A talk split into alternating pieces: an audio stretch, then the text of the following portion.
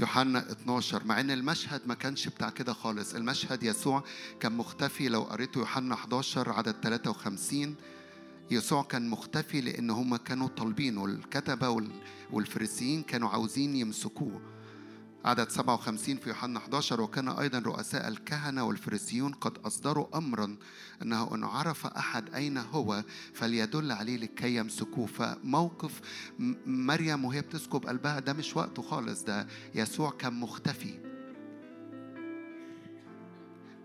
ثم قبل الفصح بستة أيام في يوحنا 12 عدد واحد.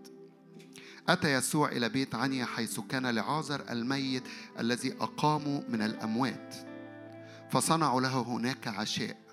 وكانت مرسى تخدم أما لعازر فكان أحد المتكئين معه. فأخذت مريم منا. مريم ده ساعتها كان في حدود 100 درهم حاجة غالية قوي.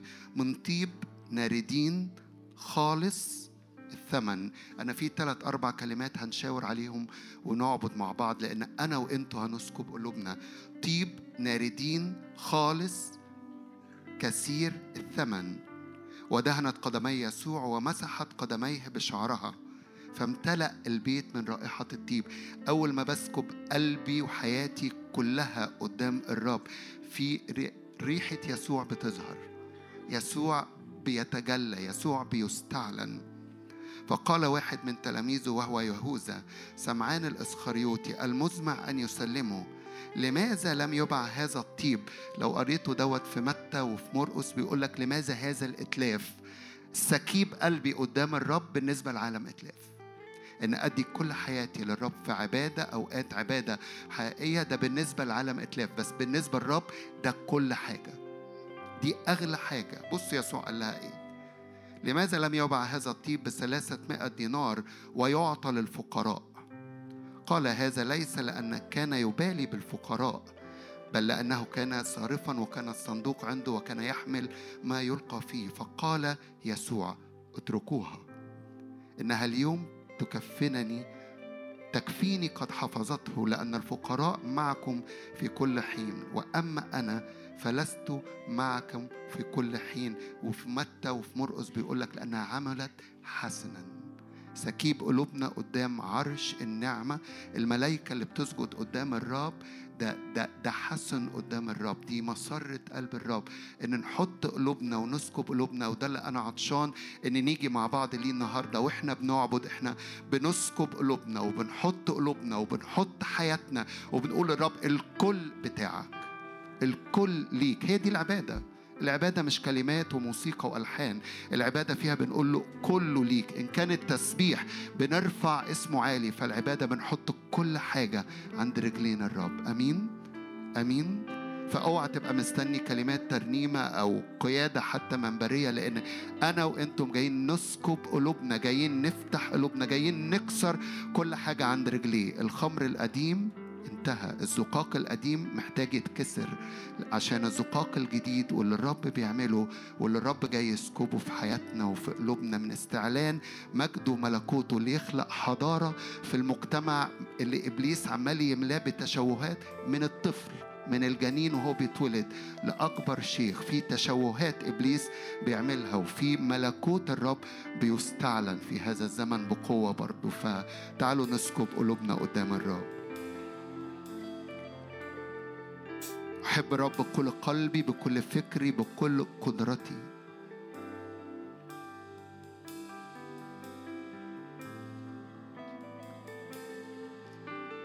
بنسكب قلوبنا قدامك. بنحط حياتنا قدامك. بنعطيك الكل.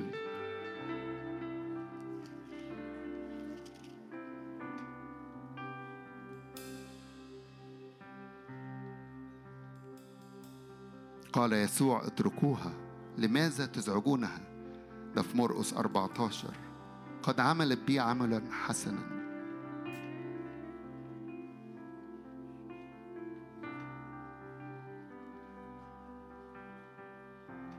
قارور الطيب ناردين خالص كثير الثمن فكسرت القارورة وسكبته عند يسوع. على رأسه.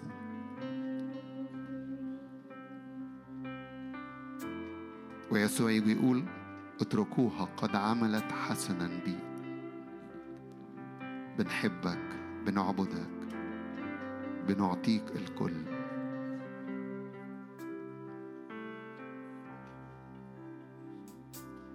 أسجد لك بروحي. أعبدك. بسكب قلبي قدامك. أطلب وجهك. يغمرني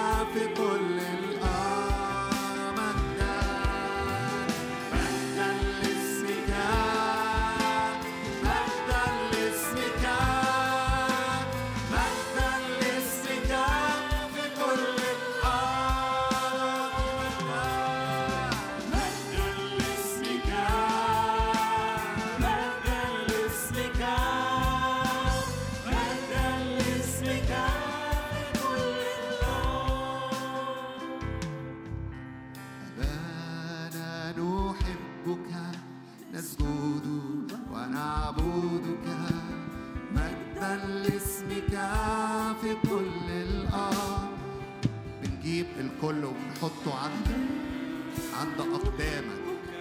قلوبنا حياتنا كل شيء بنسكبه عند أقدامك. فتمجد في وسطنا. مجدا لاسمك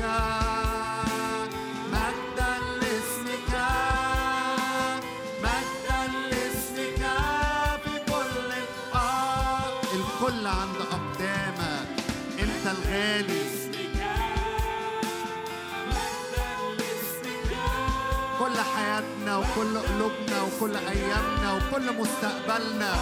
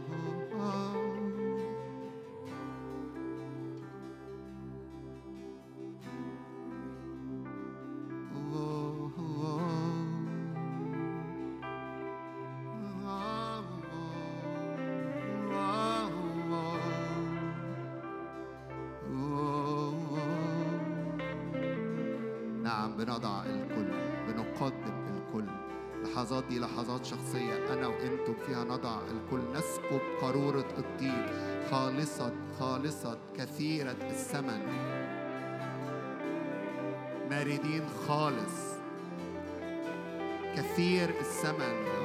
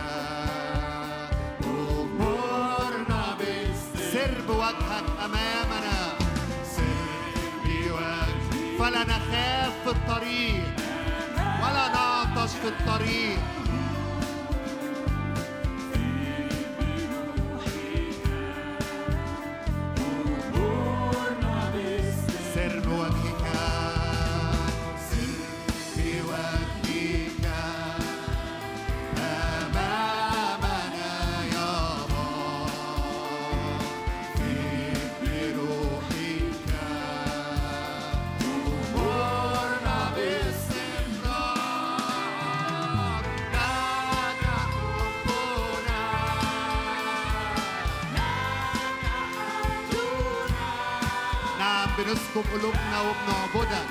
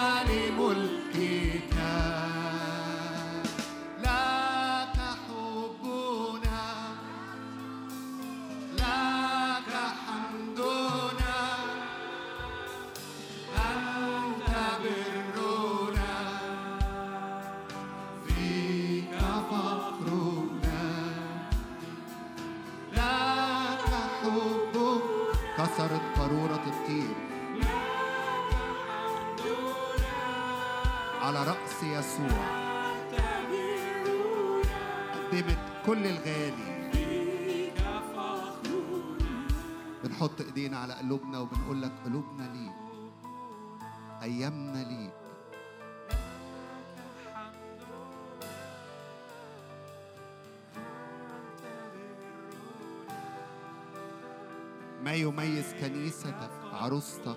ما يميزنا في هذا الزمن إن إحنا بنحبك؟ بكل القلب بنطيع صوتك فنختبر قوة ملكوتك. عينينا مليانة بيك ودنا مليانة بصوتك. فما يحدث في العالم لا يؤثر فينا. نعم لأن عينينا مليانة بالحق. ودنا مليانة بالحق. خد كل السيادة. يسوع لك حبي. لك كياني. لك قلبي.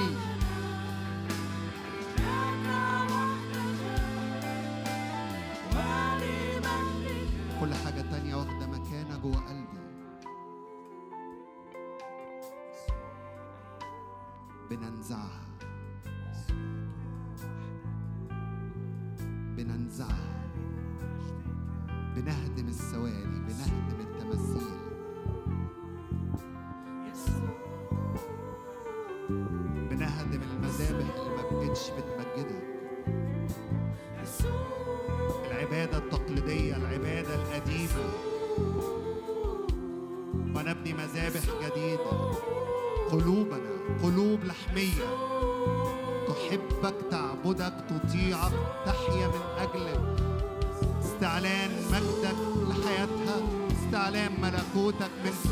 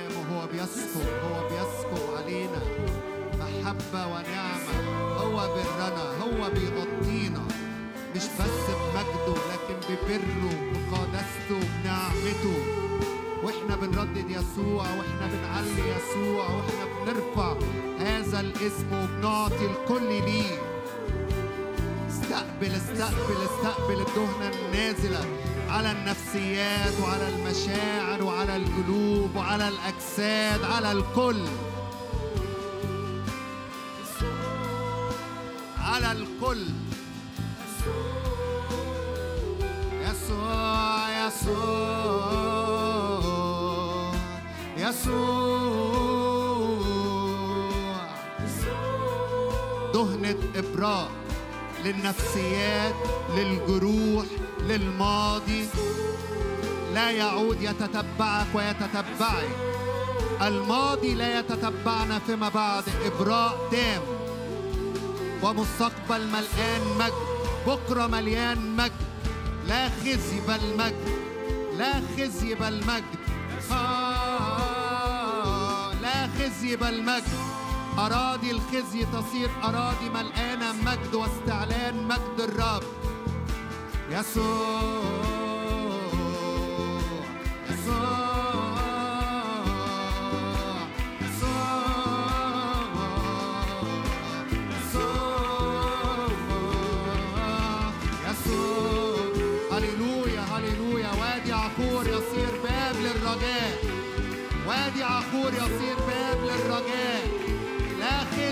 خزي بل مجد لا خزي في الدعوة لا خزي في البيت لا خزي في العلاقات.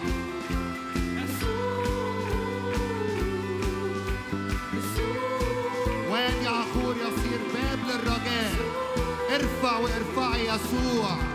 يسوع.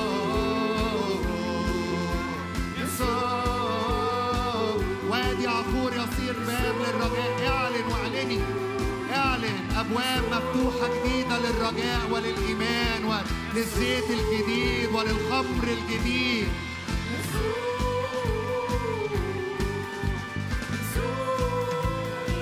هللويا.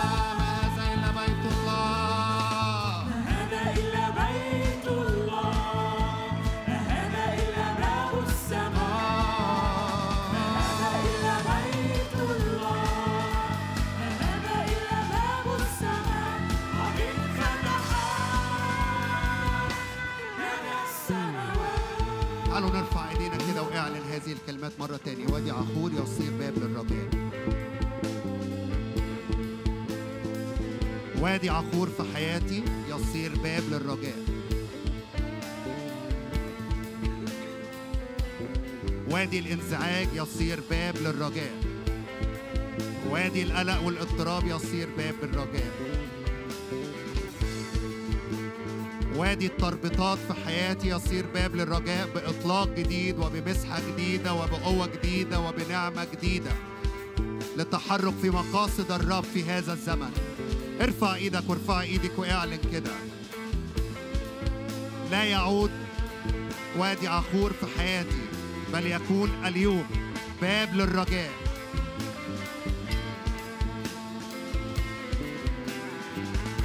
ما هذا إلا بيت الرب مكان المقابلات الحقيقية اللي بتصنع تغيير حقيقي يبقى إلى الأبد. يبقى إلى الأبد. صنيع الرب. في حياتي وفي حياتك بيبقى إلى الأبد. ما زلت شاعر إن في ناس محتاجة تعلن إيمانها بهتاف انتصاري. هتاف انتصاري. وادي عخور يصير باب للرجاء في حياتي. لا خزي فيما بعد لا لتهديدات العدو فيما بعد لا للصوت اللي مكتوم جوايا فيما بعد. صوت الإيمان وصوت الهتاف وصوت الفرح وصوت الجرأة. يعلو يعلو وراء الرب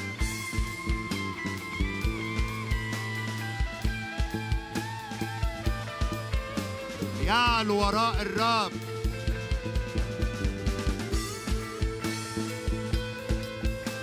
أؤمن إن الحروب بتحسم. إمتى لما بسكب قلبي قدام الرب لما بقف رافع قلبي ورافع إيدي بإيمان. هللويا. زي داوود كده محب للرب ومحارب حروب الرب. أحباء الرب هم أقوياء هم أبطال. فلو رافع إيدك خليك رافع إيدك واعلن بستقبل هذه الزيت هذا الزيت وهذه المسحة المنسكبة علينا. كأبطال للرب غير مخزيين غير منحنين غير خائفين بل محبين للرب وطائعين لصوت الرب. محبين للرب وطائعين صوت الرب قال يسوع عن مرس عن مريم نعم اتركوها. قد فعلت بي حسن. قد فعلت بي حسن. في عين الرب كل سكيب وكل تبعية وكل تحرك وراء الرب حسن جدا. الطاعة. الخضوع الإيمان. هللويا.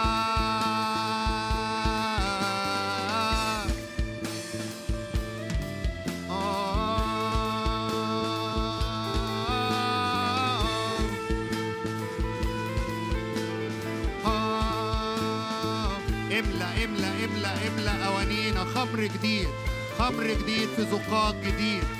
اوعى تكون مستعجل. خلي الرب يعمل شغله وانت واقف بتعبد وبتسبح. خلي الرب الروح القدس يعمل شغله جوايا وجواك بيسكب خمر جديد في زقاق جديد. أمور جديدة. إعلانات جديدة. أبواب جديدة. مواهب جديدة.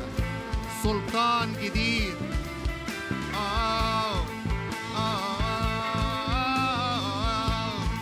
نعم نعم بنعظمك في وسطينا وإحنا بنعظمه بنسبحه رافعين أصواتنا ليه هو بينسكب.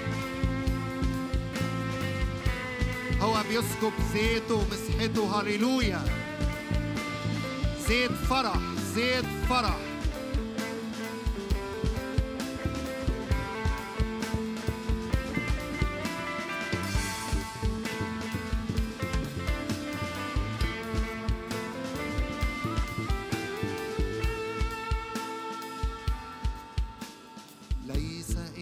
إله غيرك. لم ترى عين مثلك. ارتفع يا يسوع بمجدك. في وسطنا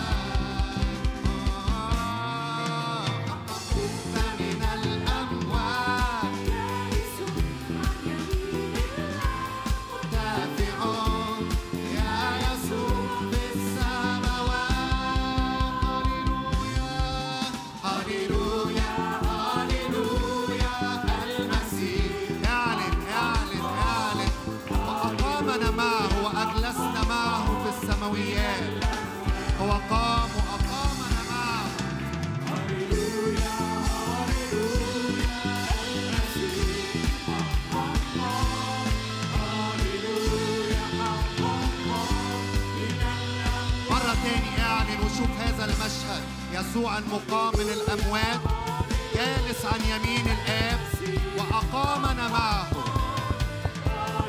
وأجلسنا معه في السماويات.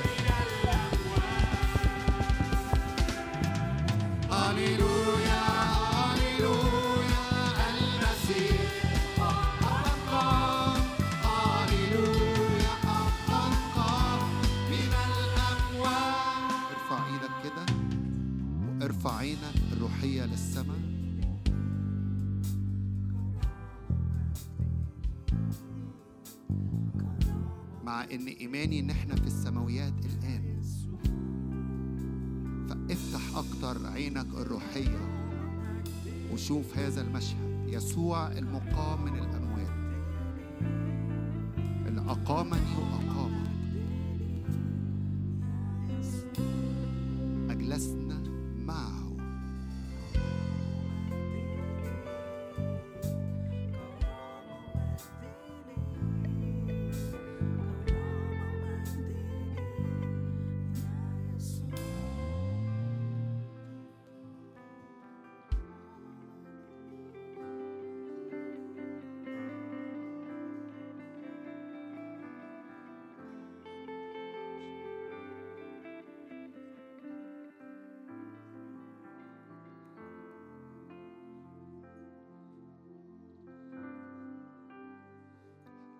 النفس في السماويات. ونحن معه في هذا المكان.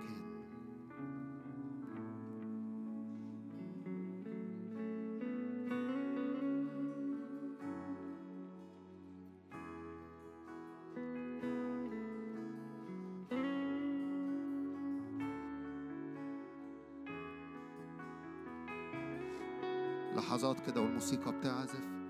خلي عيني وعينك تمتلئ بهذا المشهد.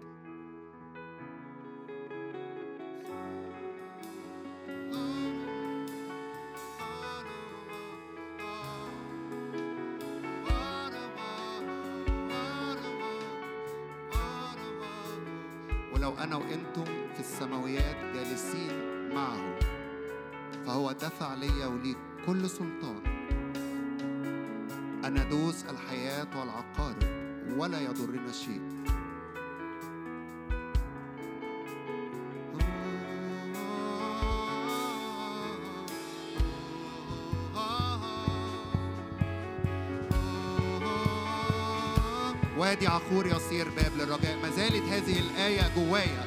وادي عخور يصير باب للرجاء. رجاء وإيمان. لا للانحناء فيما بعد. وادي عخور يصير باب للرجاء.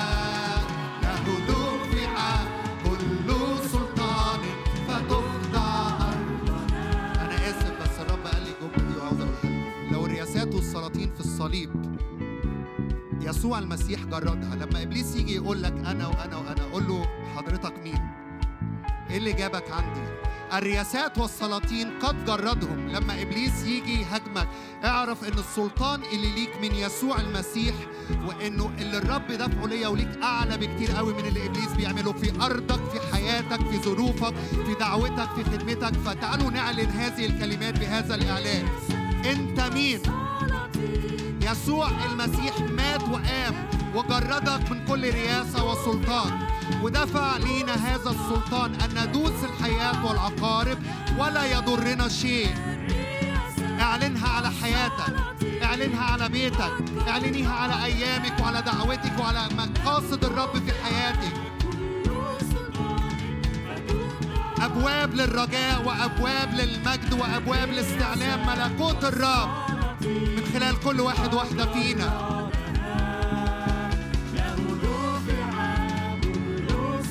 قد جرد الرياسات والسلاطين. الرياسات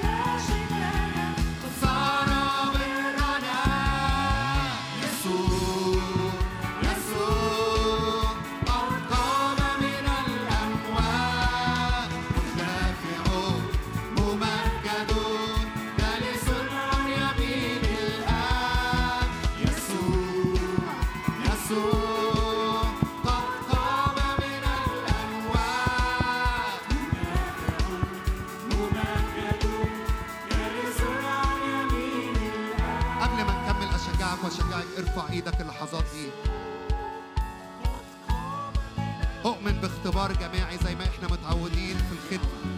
اختبار جماعي لشفاءات ولحرية ولإطلاق. اختبار جماعي لأزمنة جديدة أزمنة مجد وأزمنة استخدام.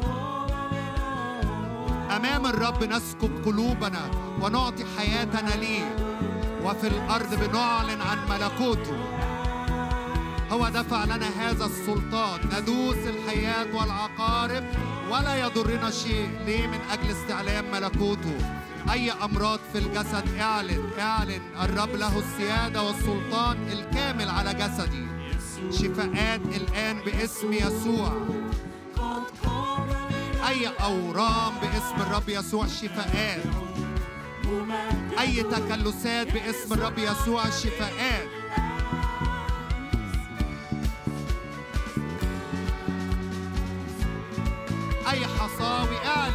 باسم الرب يسوع شفاءات له السيادة له السلطان له القوة. اسم يسوع أعلى من كل اسم مرض من اسم ضعف من اسم مشكلة.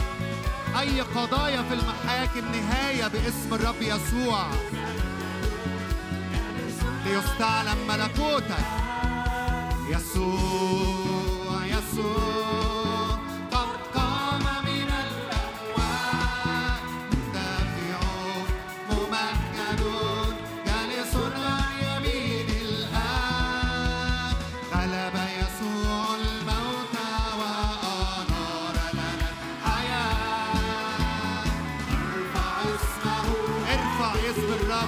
كل مرض فوق كل ضعف باسم يسوع. أعطانا مفتاح داوود لكي نفتح فيه باسم الرب يسوع. الأبواب المغلقة الأبواب المقفولة.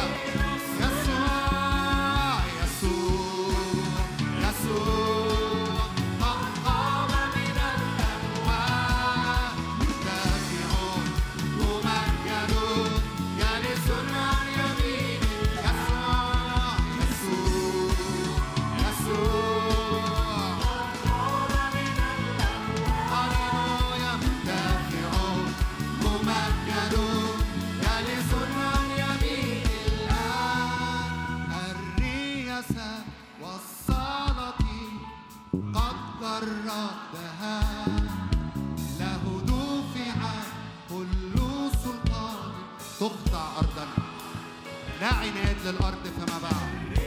اخضعي يا أرض. لكلمة الرب. لا عناد للأرض فيما بعد. ردد واعلن لا عناد لأرضي فيما بعد. أرضي تخضع للرب ولكلمة الرب.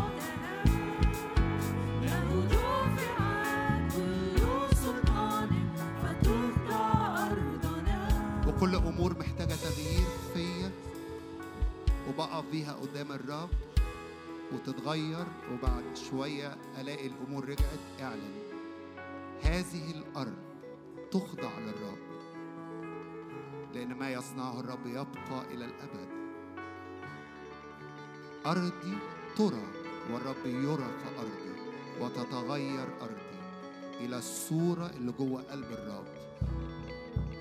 بنرفع ايدينا يا رب وبنعلن تخضع أرضنا ليك ولكلمتك ولصوتك ولمجدك مجدك اللي بيغير الشخصية والظروف والأحداث والأرض. الكل الكل الكل يخضع الكل يخضع.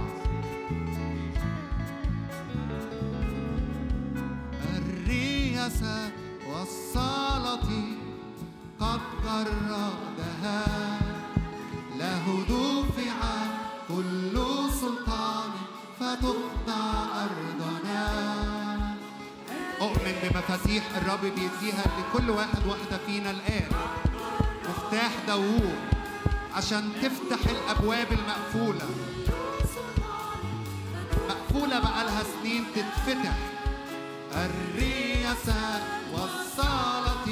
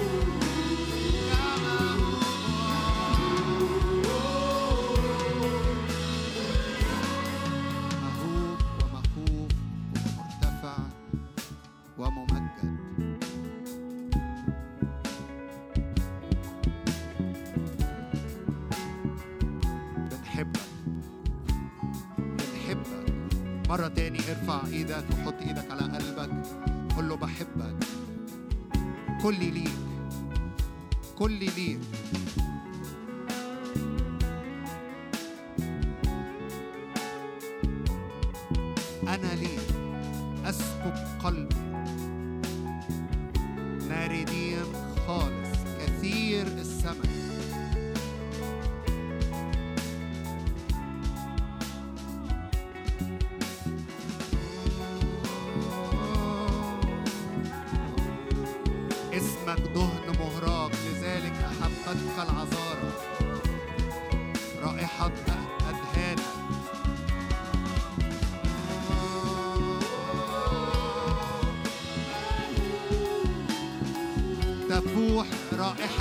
المسيح في هذا المكان. وفينا.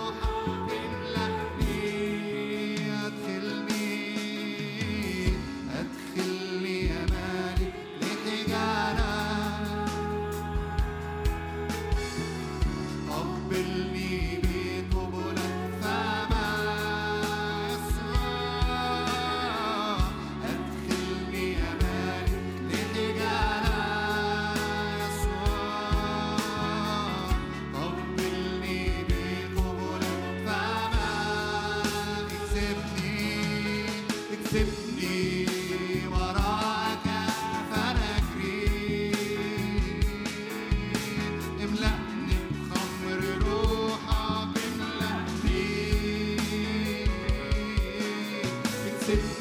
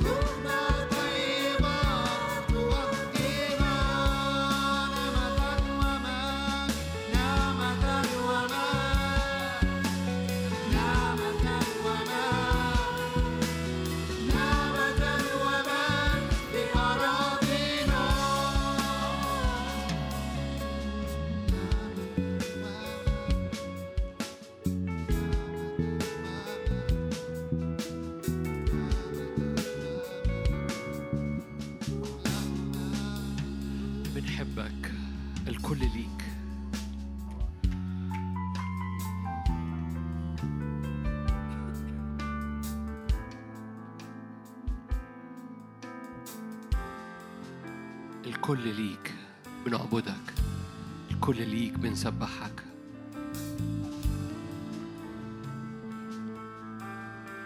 تقل مجدك تقل حضورك تقل سكيبك تقل ملكوتك. أتقل جدا. بنفسح المجال جوانا بنفسح المجال في قلوبنا. خد مكانك. بنحبك.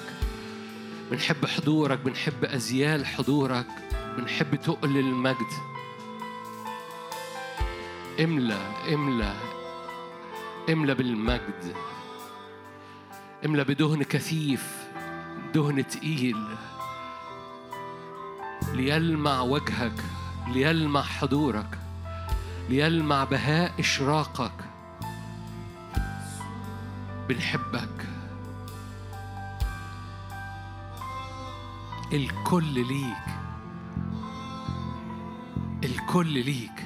كل الأفكار كل القلب كل القوة كل القدرة كل المشهد كل الحياة الكل ليك. بنخلع تجنة. بنتحد مع ال 24 شيخ. بنسجد حوالين عرشك. الكل ليك. نعبدك.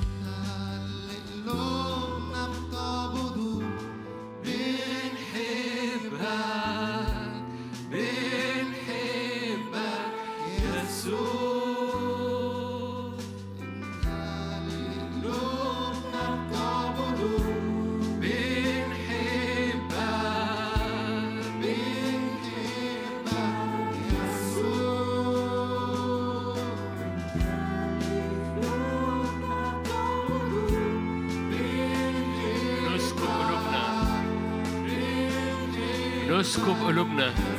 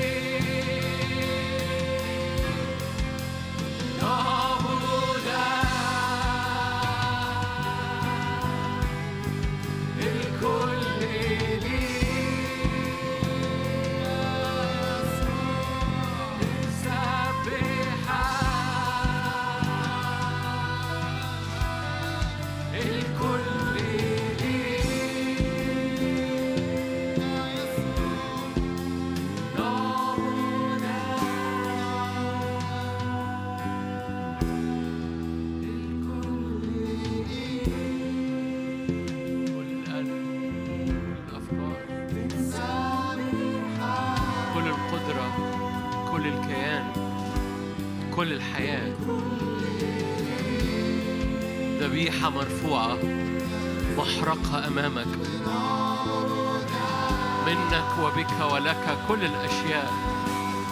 كوكب الصبح المنير. الألف والياء. أبرع جمال. بك نحيا. بك نتحرك. بك نوجد. ممجد. مرتفع. لا مثل لك.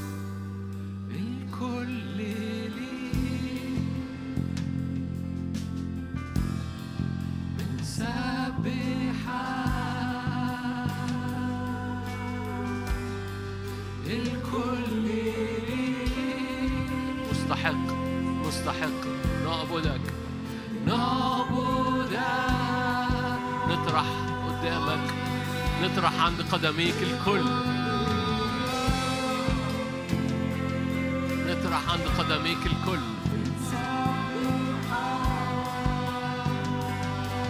تملأ المشهد. تدي طعم. حضورك مجدك. اشكرك اشكرك اشكرك من أجل هذا اليوم. اشكرك من أجل مجدك وحضورك. أشكرك أنك بتملى هذا المكان بطيارات هبات نارية بالروح القدس.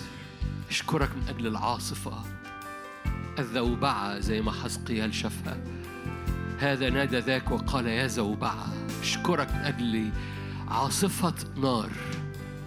صوت هبوب ريح ناري.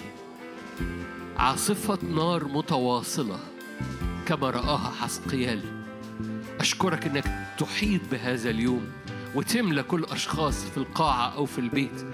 بعاصفة نار حضورك عاصفة نار مجدك عاصفة نار تقدس وتختم على القلوب وتسمي هذا قد ولد هناك هذه ولدت هناك. أبناء حضارة أبناء حضارة ليست من هنا أبناء حضارة مليانة مجد أبناء حضارة سماوية سرمدية أبناء حضارة إلهية. أبناء شرفاء هللويا نبلاء قضاة وملوك في الأرض. أبناء حضارة قوية جدا تهتز أمامها باقي الحضارات. أبناء نعمة أبناء مجد أبناء تقل حضور أبناء إيمان أبناء تاريخ مليان مجد. يؤدي إلى مصير مليان مجد. أبناء قوة هللويا. لأن تقول حضورك لما بيملى المكان داجون بيسقط في مكانه. داجون بيسقط في مكانه. تنقطع رأسه ويديه هللويا. ليس بحضورك معنا نمتاز عن باقي الشعوب من حولنا. نمتاز من باقي الحضارات من حولنا. أليس بحضورك معنا نمتاز؟ أشكرك أنك تملأ هذا اليوم بمجدك. تملأ هذا اليوم بآياتك وعجائبك وحضورك. في اسم الرب يسوع. لكل المجد يا رب. آمين.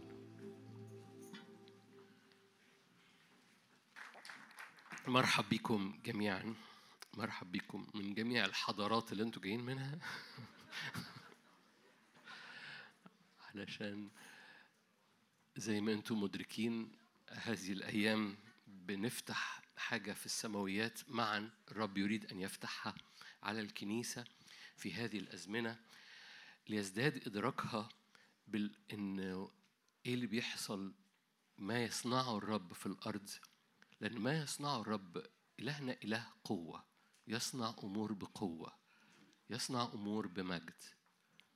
إلهنا مش إله دفع ثمن فدا علشان يطلع كنيسة بتعمل اجتماعات ومحصورة في نفسها وبصة تحت رجليها.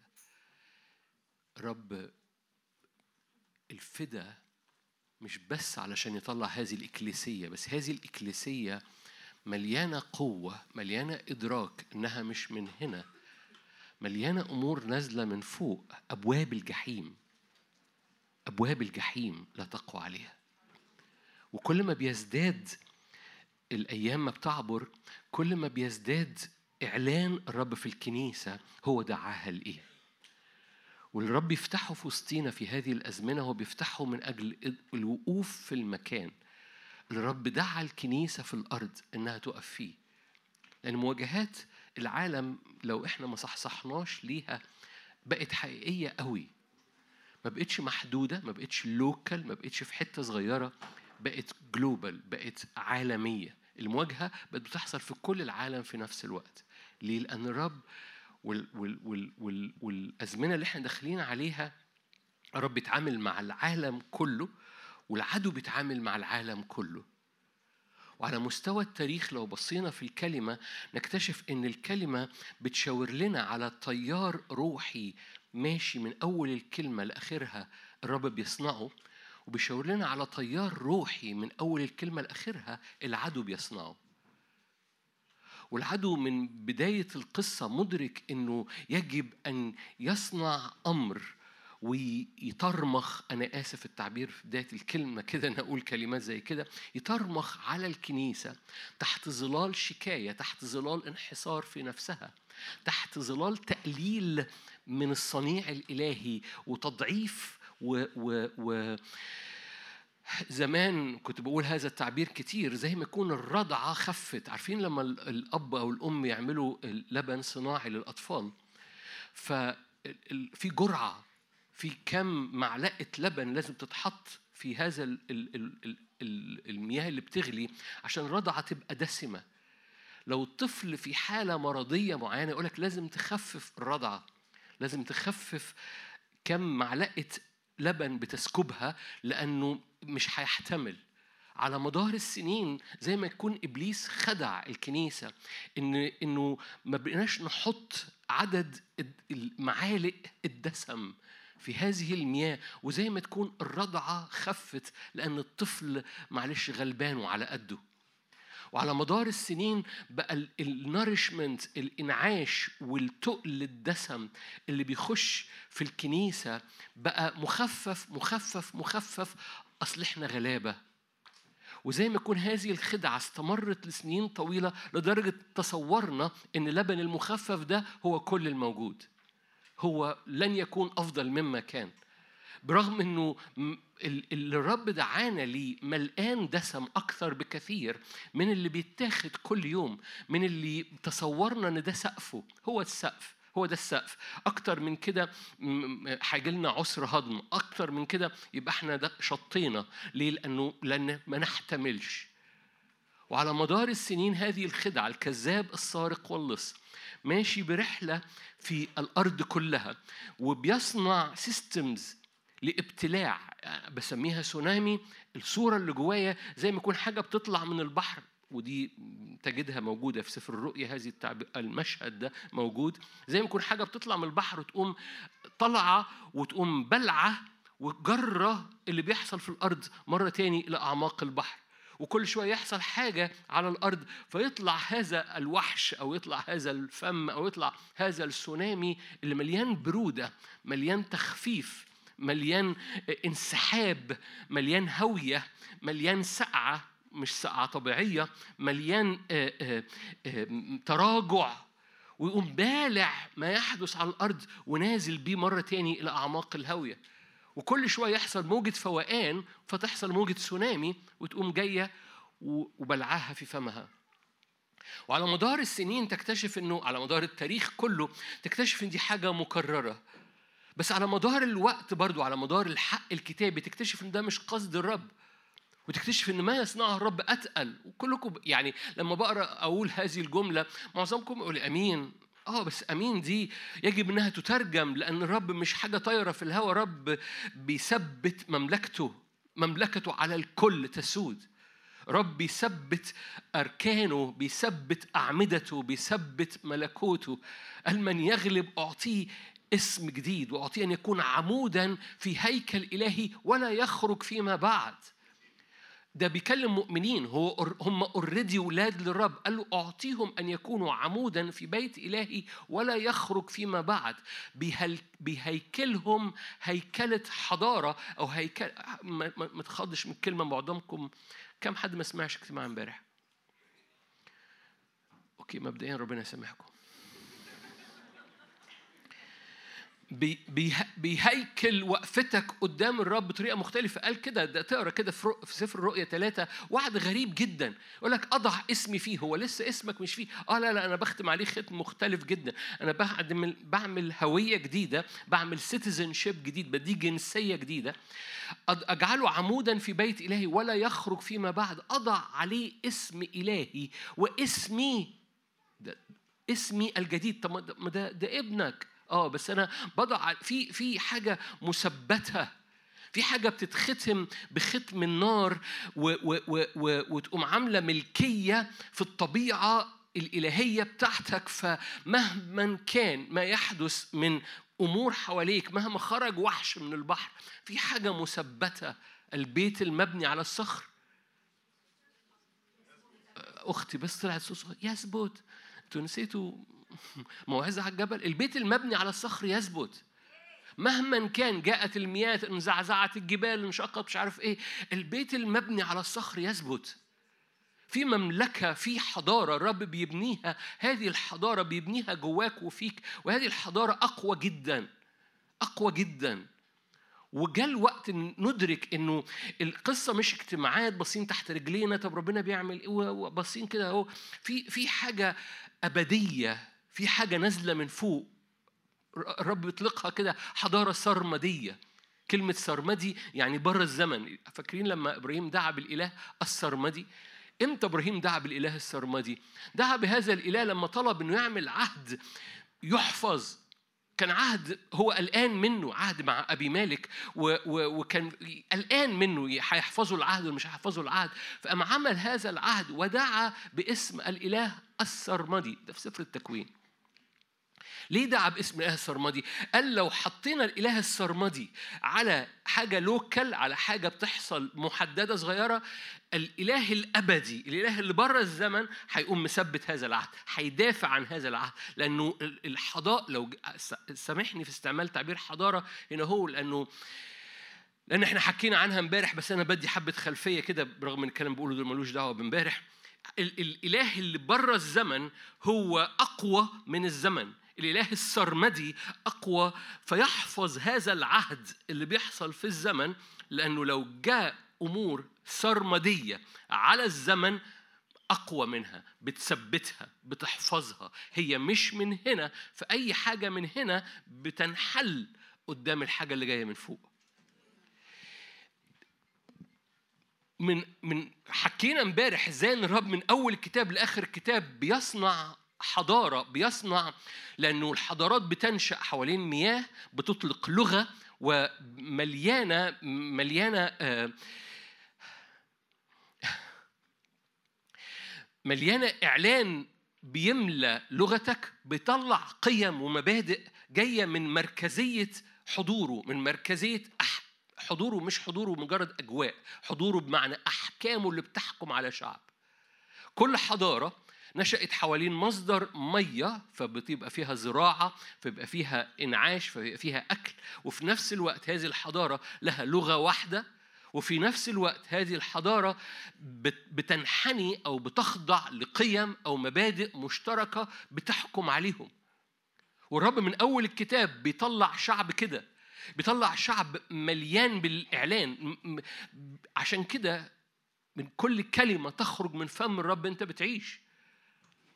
البعض بيتصور إنه آه إحنا آه يعني مش لازم أسمع صوت ربنا كل يوم. نو no. إزاي؟ لازم تسمع صوت ربنا كل يوم لأن ده الح... ال... ال... ال... ال... النهر اللي معدي جواك اللي بيعبر فيك اللي منه بتنشأ الحضارة ليك. أبناء الحضارة الإلهية أو أبناء الحضارة السماوية بيميلوا ودانهم ليسمعوا صوت الرب كل يوم. مش كل يوم الحقيقة في كل حاجة بتعملها. في آية في أشعة يقول لك كده لو سمعت لصوتي فكان كنهر سلامك. إيه؟ ما أعرفش عنك بس الآية دي بتوجعني. بتوجعني أنا بقى مش بتكلم عنك. ليه بتوجعني؟ لما بفقد سلامي يبقى أنا ما سمعتش صوته.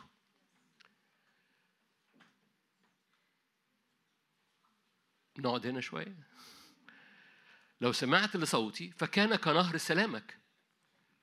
كأنها مشروطة. سمعت صوتي؟ سلام. ما سمعتش صوتي؟ مفيش سلام.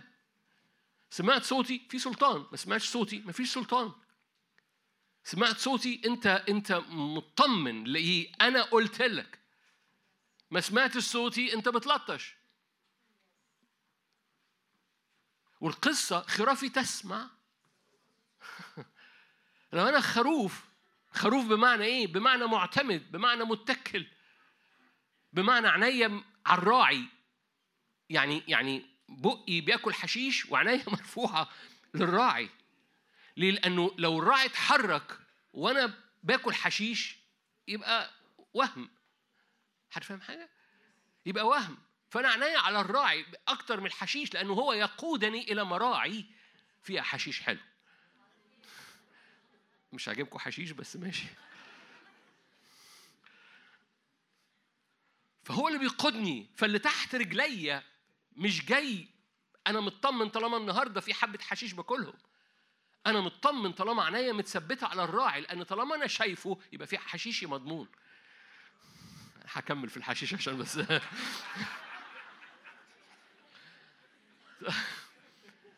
طالما طالما طالما أنا شايفه طالما عينيا متثبتة في هذا المكان فأنا طعامي مضمون أماني مضمون. امبارح طلعت الآية مياهك مأمونة ولا تعدم خبزك. ليه؟ أنت ساكن حوالين مراعي المية ودايما الحضارات حوالين مية. روح الحكمة والإعلان في معرفة يسوع اللي في أفسس 1 17 ده مش ده ده ده إعلان الحضارة. ده إعلان الحضارة لأن كل حضارة بتنشأ حوالين نهر نهر سواقي تفرح مدينة العالية أنا بحاول ألضمك مع اجتماع امبارح بس عشان تبقى موجود في نفس الحتة معانا. هذه النهر سواقي بتفرح مدينة وهذه المدينة لأن كل حضارة بتبني مدن. مفيش حضارات بدون مدن. بص على أي حضارة كل حضارة ليها مباني الأبناء يبنون. عشان كده دائما الابن يبني. وبالتالي ببساطة في مية أبناء الحضارة بيسمعوا للرب الصوت بيجري. ولأنه بيسمعوا بيطلع منهم لغة. لغتهم بتتغير. ما بيقولوش اللي جاي من لخبطتهم ما بيقولوش اللي جاي من أفكارهم لكن لغتهم جاية من اللي سمعوه. أبناء الحضارة أنا بلضمك مع امبارح أبناء الحضارة بيسمعوا الصوت لأن الصوت هو نهر بيعدي جواهم اسمه حكمة وإعلان اسمه صوت الرب وكل أمر كل أمر ما فيهوش سلام كل أمر مش بس كل يوم كل أمر ما فيهوش سلام جاي لأنك ما سمعتش الصوت من الرب في هذا الأمر. ولما رب يتكلم هناك طمأنينة هناك مية بتنفجر لأن صوته بيقدح لها بنار صوته بيفجر في في البرية ينابيع مية. هو ده الصوت. وبالتالي لما قلبك بيميل لأنك خروف ده اللي دخلنا في قصة الحشيش لأنك خروف بتميل ببساطة لأنك معتمد تماما على صوت الراعي. أذناك تسمعان كلمة خلفك. هذه هي الطريق أسلك فيها. أخد خطوة ولا ما أخدش خطوة؟ استنى. أتحرك إزاي؟ أنا بقودك. وتبقى في تسليم أو استسلام للصوت. استسلامك للصوت أو تك هو ده التكريس إنك بتستسلم للصوت. لما يقول لك اطمن بتطمن. كم مرة قال لك اطمن وأنت ما اطمنتش. ده عدم إيمان. عدم إيمان في صوت الرب اللي بيقول لك أنا أفتح لك قوة السماء أنا أصنع لك هذا أنا عن يمينك. استنى شوية اتحرك دلوقتي. وبالتالي الصوت بيفتح هذا النهر وهذا النهر بيعدي فبيصنع الحضارة فيك لأن الحضارات تصنع حوالين أنهار. بس مش بس كده هذا الصوت اللي بيعدي فيك بيطلق لغة. كل حضارات لها لغة واحدة. اللغة دي حكينا عنها امبارح لغة الامتلاك. لغة لغة الامتلاك دي هي لغة كنعان اللي كانت موجودة في مصر كمثال. لغة الامتلاك هي لغة فرح لغة رجاء لغة تشجيع لغة إيمان مش لغة عيافة وعرافة مش لغة شكاية مش لغة خوف مش لغة لعنة شخ... ذاتية بنلعن ذواتنا بفمنا. الفم اللي يخرج منه البركة لا يجب أن يخرج منه لعنة لا يكون هكذا. يا إخوتي يعقوب قال لنا كده. خلي اللغة اللي خارجة جاية من صوت هو قال لك كده؟ هو قال لك تقول كده؟ إيه رأيك؟ ليكن كلام فمي أفكار قلبي وكلمات فمي مرضية أمامك. هو قال لك تقول كده؟ وبالتالي الصوت اللي خارج فيه لغة واحدة وهذه اللغة اللغة دايما بتصنع الحضارة. اللغة دايما بتصنع الحضارة واللغة بتبان في كل حاجة. بتبان في جسدك بتبان في ردود فعلك بتبان في وشك. ممكن ما تنطقش ولا حاجة بس ابتسامتك تبقى لغة. ممكن ما تنطقش ولا حاجة ويبقى أنا ما نطقتش ولا حاجة. فالقصة إن في لغة خارجة منك طول الوقت يسموها بودي لانجوج دي لانجوج دي لغة. بس لغة آه لغة أنا حضرتك نعم لغة الجسد نعم. في لغة خارجة وهذه اللغة بتحمل كل حاجة من حضارتك. هو تفتكر لغة الجسد للشرفاء إيه؟ نقطة. ده سؤال تجاوبه في البيت. لغة الجسد للشرفاء للنبلاء اللي بيتواجدوا قدام الحضور الإلهي لغة الجسد للشرفاء دول إيه؟ وجه وجههم معاملتهم سلامهم على بعض علاقتهم مع بعض. لغة الجسد لل noblemen دول للنبلاء دول للشرف أبناء الحضارة. أنا آسف تعبير المتحضرين دول من حضارة. لغتهم إزاي؟ جسدهم إزاي؟ علاقتهم إزاي؟ إدراكهم إزاي؟ تعاملهم مع حياتهم الطبيعية. هنحكي بكرة عن عن ال culture في فرق ضخم ما بين كلمة حضارة وكلمة culture الحضارات فيها مجتمعات لكن الحضارة أوسع من مجتمع بتغطي أزمنة أكتر من مجتمعات. الحضارات بتورث من جيل إلى جيل. المجتمعات مش شرط تتنقل من جيل إلى جيل وراه. الحضارات بتورث المجتمعات ممكن تعيش قرن لكن الحضارات بتعيش أكتر من قرن. اقرأ في تاريخ الحضارات. فالحضارات بتعبر الأزمنة الحضارات بتعبر الأنسال الحضارات بتعبر الجغرافيا. بمعنى أنها بتغطي مناطق واسعة. وجاء الوقت ان ندرك إنه ما يصنعه الرب مش هنخففه لأنه أصل الطفل مش معدته مش هتستحمل. جاء الوقت إن ناخد كل الدسم اللي معلن في كلمة الرب الرب دفع فيه ثمن غالي وثمين مش محتاج أقول لكم عنه أو محتاج أقول لكم عنه إن الثمن ده ثمن أزلي. قدم نفسه بروح أزلي. يعني إيه أزلي؟ يعني بره الزمن يعني سرمدي يعني هذا الثمن مش بيغطي النهاردة. النهاردة ده مشمول في حاجة كبيرة قوي وراك وتحت رجليك وقدامك. وهنحكي النهارده بالليل عن إدراك الزخم الموجود في إدراك الحضارة. لأن في زخم موجود. زخم يعني قوة دفع بتأتي في ظهرك وتقذفك لقدام. ده كلمة زخم. في زخم موجود في ظهرك في هذه الحضارة السرمدية. لأن هذه الحضارة السرمدية قوية جدا. مش قوية ليك النهاردة هي قوية ليك وفي ظهرك وبتزقك لقدام. هتشوف ده إزاي؟ وبالتالي ببساطة رجوعا مرة تاني لأن في صوت ففي لغة. لأنك بتسمع ففي صوت لازم يخرج مناسب ومتناغم مع اللغة اللي أنت بتسمعها. وده بيرتبط بإدراكك إنه الحضور اللي أنت بتقف قدامه ده ده مش جو لذيذ. مش جو لذيذ. ده ده ده ده ده من هذا الجبل جبل الحضور بيخرج التشريع. يعني إيه بيخرج التشريع؟ يعني أحكام الله بتحكم على كل حاجة. جاء الوقت إنه أحكام الرب تحكم على ذهنك على عينيك على قلبك على طرقك على فلوسك على ارتباطك على أزمنتك على كل حاجة. أحكام الله مش اقتراحات الله. مش لو تحب لو قدرت. أحكام الله.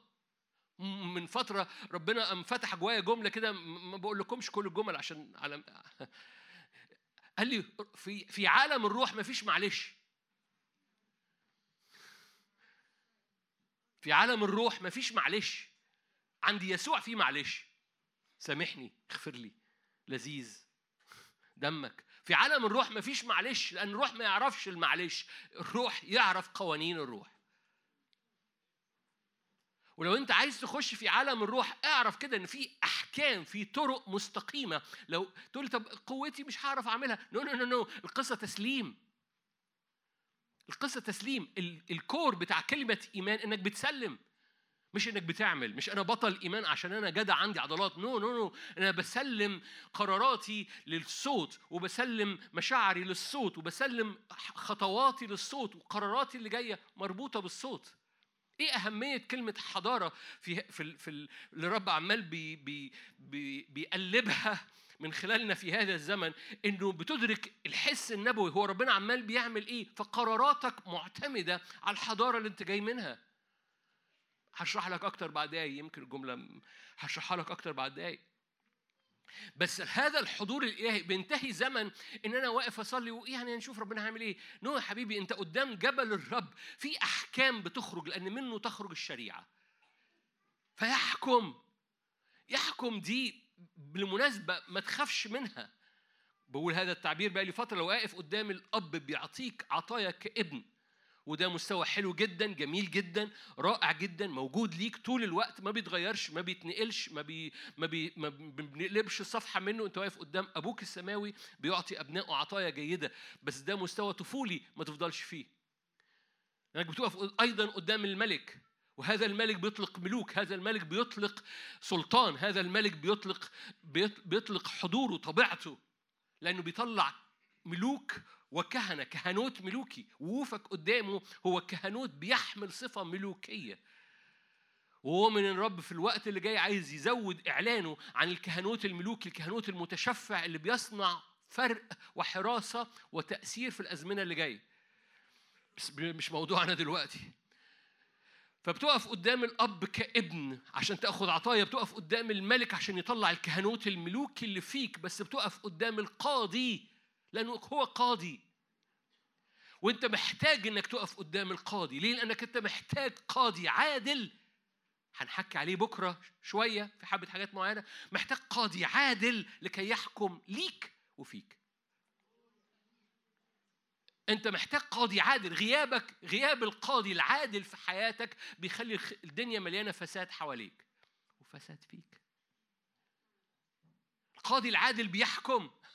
وما تستخباش من ده لأنه هو قاضي عادل يحكم بالعدل والبر. فينصف المساكين فتسكنون في محلات أمينة ومساكن مطمئنة. إمتى أسكن في مساكن مطمئنة ومحلات أمينة وينصف المسكين لما أقف قدام قاضي؟ بس القاضي ده بيحكم فمن الشريعة يخرج الحكم. فأنا بوقف حياتي قدام هذا الحكم ده اللي بيعمل حضارة. حضارات بتنحل أو بتت... بت... بت... بتنهار لما يفقد القيم وال... وال... والمركزية الحكم فيها وكل واحد يصنع ما يحسن في عينيه. عشان كده في فرق ما بين المجتمعات والحضارات. الحضارات كمثال الحضارة الفرعونية إيه اللي أنهى الحضارة الفرعونية؟ إن حصل انقسام ابتدوا يتخانقوا مع بعض والمملكة الفرعونية ابتدت تبقى أسر وكل أسرة قالت أنا عايز أعمل أسرتي. فكل أسرة قالت هاخد أنا أنا هعمل مجتمع هنا وأنا هعمل مجتمع هنا. انحلت الحضارة الفرعونية. وده تاريخ برضو كنسي. بس في حاجة بتحصل في دسم بيحصل مربوط بالنهر الذي سواقيه تفرح مدينة الله العلي. حكينا عنها في مزمور 46 الدنيا بت بت بت بتقلب تحجن. مزمور 46 وفي حاجة حاصلة مدينة الرب العلي. يعينها الرب عند أقبال الصبح. رب الجنود معنا. ليه؟ لأن في نهر سواقيه تفرح مدينة الرب العلي حصون الصخور ملجأه. ليه؟ في في حاجة مختلفة. هذا اللي بيقف قدام الرب في الأعالي يسكن. مياهه مأمونة. ففي صوت مضمون في لغة خارجة وفي حكم إلهي بيحكم على حياته. فبتقف قدام النور. سامحني. أنت محتاج تقول له أحكم عليا. احكم عليا تعالى بحكم هو هو إيه؟ لما داوود في مزمور 139 اللي هو مليان دعوة وأفكار جميلة من جهتي ودن لما رقمت أعضائي في الخفاء أنت كنت عارفني حاجات جميلة قوي في الآخر يوم قايل إيه؟ اختبرني. احكم عليا انظر إن كان فيا. ده بيعمل إيه؟ ده بيقول له بص أنا بسلم. لأن كل السلطان اللي أنت بتقوله كل كل الملكوت اللي أنت بتقوله كل الأفكار البهية اللي أنت بتقولها اللي ارتفعت فوقي لا أستطيعها عشان تحصل عشان أكون مطمئن فيها أحكم فيا. انظر إن كان في طريقا باطلا. اهدني طريقا. اهدني مسالك مستقيمة. اديني إن كل حاجة تبقى باستقامة. مسالك مستقيمة قدام عينيك وقدام روحك. جاء الوقت إنه الدسم بتاع الأكلة الوجبة الروحية في حياتك اللي خارجة من الحضور الإلهي ما تبقاش مخففة ما تبقاش تيك اواي لا تبقى مليانة دسمها مليانة قوتها مليانة حضورها مليانة تقلها لأن التقل كلمة مجد في العهد القديم هي كبود كبود يعني حاجة تقيلة حاجة تقيلة. لما دخل تابوت العهد في هيكل داجون كان في حاجة تقيلة دخلت فسقط داجون في مكانه. قالوا معلش نسنده. تاني يوم صحيوا راسه مقطوعة وايديه مقطوعة. ليه؟ لأن في حاجة تقيلة دخلت بيت داجون. في حاجة تقيلة دخلت بيت داجون، الحاجة التقيلة دي خلت البقر فاكرين البقرات المرضعات؟ دول وسايبين عيالهم اللي بيرضعوا. في حاجة تقيلة خلت جسد البقرات المرضعات الغير واعيين. أنا وقفت نفسي عن جملة بس. يعني البقر طاع. كمل انت الجملة. حضور الرب كان تقيل خلى البقر يطيع. فيقول لك برغم إن هم بيجأروا يعني يعني كانوا بينوحوا لأنه سايبين أطفالهم الرضع. كل حاجة في في البقر ده تبقى عايزة تدور وترجع تاني للطفل الرضيع اللي هم سايبينه. عشان كده يقول لك كانوا كانت تسيران وتجأراء يعني في حاجة تقيلة عليهم أتقل منهم مخلية جسدهم الحيواني يتحرك في المشيئة. هي في حاجة تقيلة روحية عليهم خلت جسدهم الحيواني يتحرك في المشيئة عكس طبيعتهم. إن كان البقر عمل كده.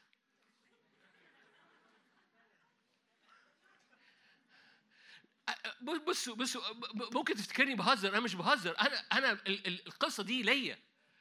ليه؟ يعني إيه ليا؟ يعني لما ربنا كلمني فيها قال لي بص أنت محتاج تصدق إن التقل اللي بحطه فيك أتقل من كل طبيعة جسدية حيوانية فيك. ومحتاج تصدق إنها تقيلة ومحتاج تستقبلها محتاج تدرك كم الدسم اللي فيها كم التقل اللي فيها أتقل من كل حاجة لأن قوة الجسد جملة عمال بكررها من أول السنة قوة الجسد هي قوة التدمير الذاتي جوه الكنيسة قوة أفعال الجسد، أفكار الجسد، مقارنات الجسد، ردود فعل الجسد، هي قوة التدمير الذاتي، عارفين إيه تدمير ذاتي؟ يعني يمشي يمشي ويقوم ضارب رصاص في دماغه. قوة الجسد دي بتقوم ملففاك. وفي حاجة تقيلة من حضور الرب خلت البقر اللي كل حاجة في طبيعتهم عايز يرجع لورا متحرك في المشيئة في القصد لأنه حامل تابوت العهد متحرك باستقامة. ما يصنعه الرب أتقل بكتير جدا من من حتى قوتنا الطبيعية حتى من كل حاجات إبليس عمال بيبنيها على مدار السنين. وهذا السونامي بصوا السونامي ده بيزداد. امبارح علقت تعليق حقيقي كم ناس قاعدة تبعتوا لي ده فعلا إحنا ما خدناش بالنا. إيلون ماسك قال كده. إيلون ماسك قال الحضارة اللي جاية خطيرة جدا. كان بيحذر منها. ابن الذين أتاريه مفتوح لعالم الروح. قال كده قال كده الحضارة اللي جاية خطيرة جدا على العالم. ببساطة أحبائي ما هو ما هو لما أبناء هذا الدهر يبقوا شايفين حاجة إحنا لسه مش شايفينها أو يعني المفروض المهم. جاء الوقت إنك تدرك إن في حاجة حقيقية بتحصل. جاء الوقت إنك تفتح عينك من تحت رجليك. أنا أنا أنا كل عينيا باصة بس نو. بسبب ده بسبب انحسارنا تحت رجلينا إنسان في كرامة ومش فاهم. مثل البهائم يباد إنسان في كرامة ومش فاهم هو بيقف قدام مين. حي هو الرب اللي أنا واقف قدامه. دانيال حضارات بتلف عليه. من من بابل بكل قوتها ومن ملك في بابل لملك تاني أشرس في بابل. وبعد كده تأتي حضاره إن الحضارات بتبتلع حضارات في الأرض. قصة الحضارات إن الحضارة بتبتلع حضارة لأن تأتي حضارة أشرس منها. إيلون ماسك نبي. بس من العالم. بيقول إيه؟ الحضارة اللي جاية الحضارة اللي جاية لأن هو بيرى حضارة الحضارة اللي حاصلة دلوقتي بتنهار وبتنحل وفي حضارة جاية أشرس. هو اللي بيقول. ابن الذين. دايما الحضارة اللي ورا بتبلع الحضارة السابقة.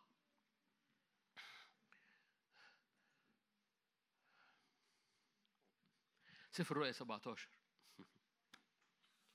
سفر الرؤيا 17 دانيال كان في وسط بابل وبابل من من نبوخذ نصر لبلشسر وتأتي حضارة أعظم اسمها مادي وفارس يقول لك شريعتها لا تنسخ. يعني لو خرج كلمة لو الراجل بتاع ال... بتاع داريوس ده خرج كلمة ما ترجعش ما يعرفش ينسخها ما يعرفش يغيرها ما ينفعش لا تنسخ. شرسة جدا. ودانيال مكمل لأن حي هو الرب اللي واقف قدامه لأن كان بيفتح النافذة زي ما حكينا امبارح إلى هذا المكان إلى إلى العاصمة بتاعت حضارته إلى الجبل اللي قدامه اللي بيخرج منه أحكام تخرج منه الشريعة بيخرج منه النور بيخرج منه الصوت.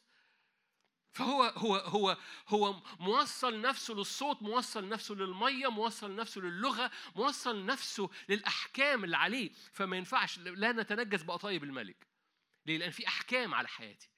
طب يا عم ده ده ده ده ده سلبت رجولتك وأنت مسبي وأنت شاب صغير يعني أنت أجدع من باقي الشبان اللي اتسابوا معاك علشان أنت تبقى مختلف عنهم؟ في أحكام عليا. فاكرين الثلاث فتية؟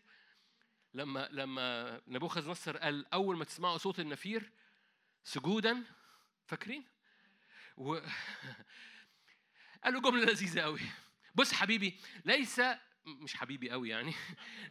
ليس لنا أن نجيبك في هذا. إيه الحلاوة دي؟ يعني مش هرد عليك. لو ما تسجدوش مش هنرد عليك. ليه؟ يوجد لنا إله. إحنا جايين من حضارة تانية. إحنا وقفتنا مختلفة، إحنا رد فعلنا مختلف، إحنا إحنا إحنا قيمنا مختلفة، ليس لنا أن نجيبك في هذا، ده بيكلم مين؟ بيكلم حضارة اسمها بابلية. ده واقف قدام حضارة مش واقف يعني مش قصة مدارس أحد. ما هو ده المخفف قصة مدارس أحد. لا بس الثلاثة دول واقفين قدام حضارة مهابة جدا، حضارة كانت بتسود حوالي أكثر من ثلث العالم في ذلك الوقت. ليس لك أن نجيبك ليس لنا أن نجيبك في هذا، ليه؟ لأن يوجد لنا إله، إحنا جايين من قدام حد، إحنا عندنا حضارة.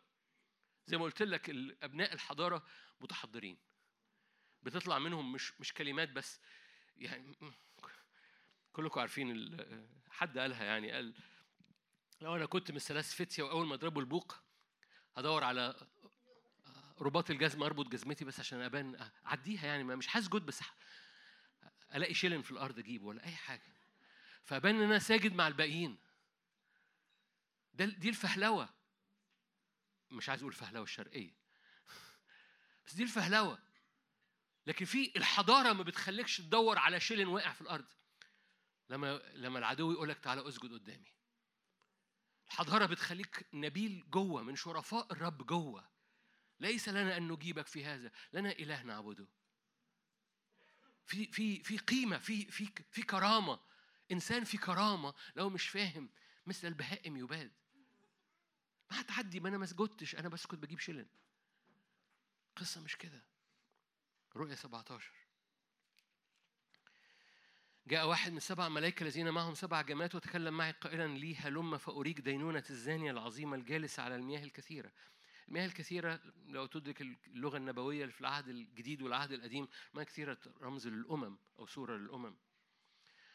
زنى معها ملوك الأرض. سكر سكان الأرض من خمر زناها. كلكم عارفين. آه دي بابل. حلو قوي. إيه إيه أخبار؟ زنى معها ملوك الأرض. ملوك الأرض ده حضارة الأرض. سكر سكان الأرض من خمر زناها. مضى بي الروح إلى برية فرأيت امرأة جالسة على وحش قرمزي مملوء أسماء تجديف له سبعة رؤوف وعشر سبعة رؤوس وعشرة قرون. المرأة كانت متسربلة بأر- بأرجوان وقرمز متحلية بذهب وحجارة كريمة، إيه الحلاوة دي؟ يعني جذابة للعين منظرها وخلي بالك إن بعض الصفات زي الصفات الموجودة في حسقيال 28 هي هي الموجودة في العرش. إبليس يحب يعمل لك copy إبليس يحب يعمل لك copy عشان كده بالمناسبة الحضارة اللي جاية اللي اللي في العالم هتكون بتبلع حتى الدين.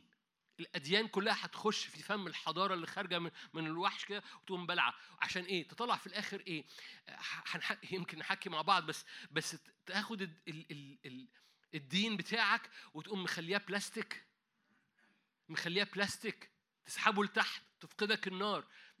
تفقدك النهضة تفقدك المجد تبقى دي كلمات كلها طايرة في الهواء أه، بس أنا بطمن نفسي أنا أهو أنا متدين. فالحضارة ما عندهاش مشكلة إنها تخلي دين موجود.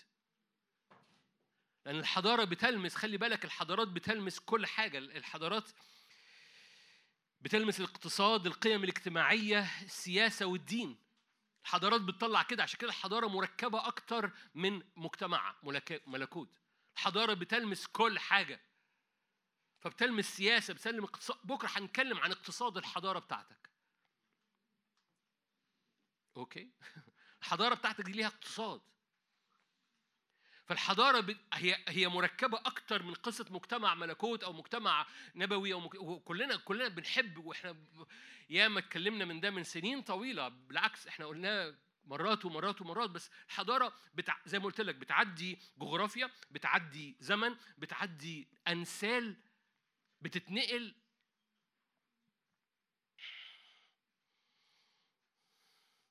الحضارة ال- ال- السرمدية ملهاش سقف. لأنها أبدية لأنها فوق. عشان كده إبراهيم حط الإله السرمدي فوق العهد اللي بيعمله مع أبي مالك علشان ملوش سقف. ده بيفتح حاجة أبدية على على ال local على على اللي بيحصل تحت رجليه دلوقتي. عشان كده إدراك الحضارة على حياتك بيطلق قوة على ال local. هنحكي مع بعض. نكمل مع بعض معلش. فالمرأة أو كلكم عارفين دي بابل كانت متسربلة بأرجوان وقرمز متحلية بذهب وحجارة كريمة ولؤلؤ ومعها كأس من ذهب في يدها مملوءة رجاسات ونجسات زناها وعلى جبهتها اسم مكتوب سر. يعني ال- اللي أنت شايفه ده سر. بابل العظيمة. خلي بالك بصوا بابل بابل كانت حضارة. بس الحضارة البابلية قعدت فترة في الحياة. الحضارة دي, كحضارة بابلية. بس بابل دي موجودة من أول كتاب مقدس لآخر كتاب مقدس فهذه الروح بتاع الحضارة اللي حن... ح... اللي امبارح حكينا عنها وهقولها لك من دلوقتي متشالة على إبليس. إبليس هو اللي شايلها إبليس هو اللي رافعها. هذه الحضارة موجودة طول الوقت شغالة. بمعنى لو لو تقول لي كلمة حضارة دي يعني اشمعنى عمال بتقول حضارة ومش عارف إيه. نو القصة مش كده. القصة إن بابل هي حضارة. كلنا لو قلت حضارة بابلية أمم، يس وبالتالي إبليس اللي حامل هذه المرأة الزانية هو هو بيحمل حضارة في الأرض وهذه الحضارة بتبتلع حضارات. والحضارة البابلية ظهرت في وقت آه اختفت بعديها وجت حضارة مادي وفارس. لكن أتاري كل الحضارات لأن الصورة هنا أهو في رؤية 17 سر روحي إن كل الحضارات متشالة على الوحش. كل الحضارات الأرضية متشالة على الوحش.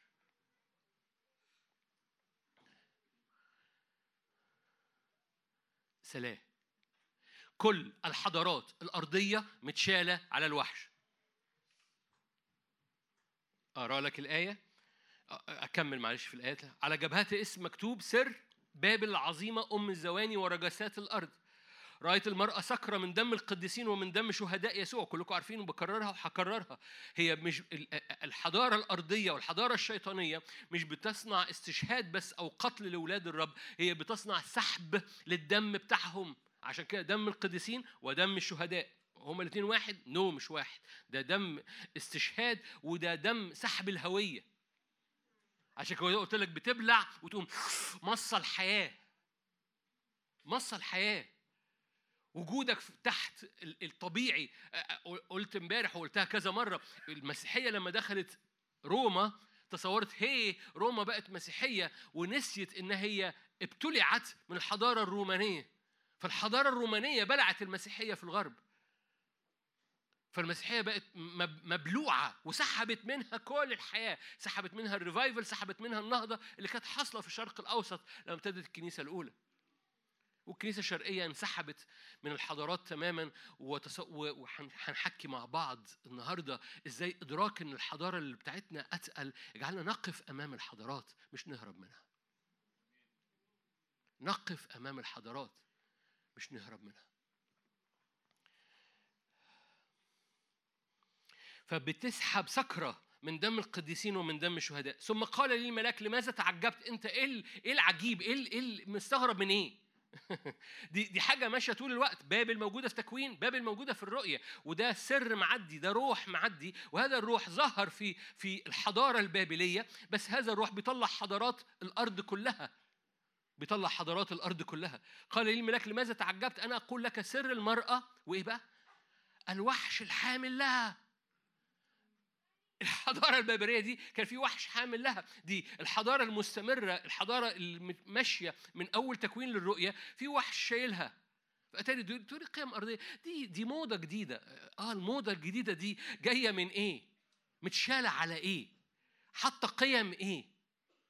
ما خلي بالك الصوت واللغة والقيم الحضارة دي لها صوت ولها لغة ولها قيم. سلام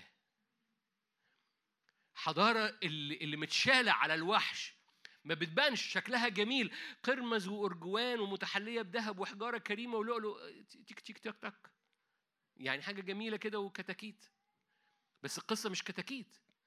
القصة إن في حضارة وهذه الحضارة متشالة على الوحش والوحش ده له صوت فبيحط أفكار وبيحط لغة وبيطلع قيم.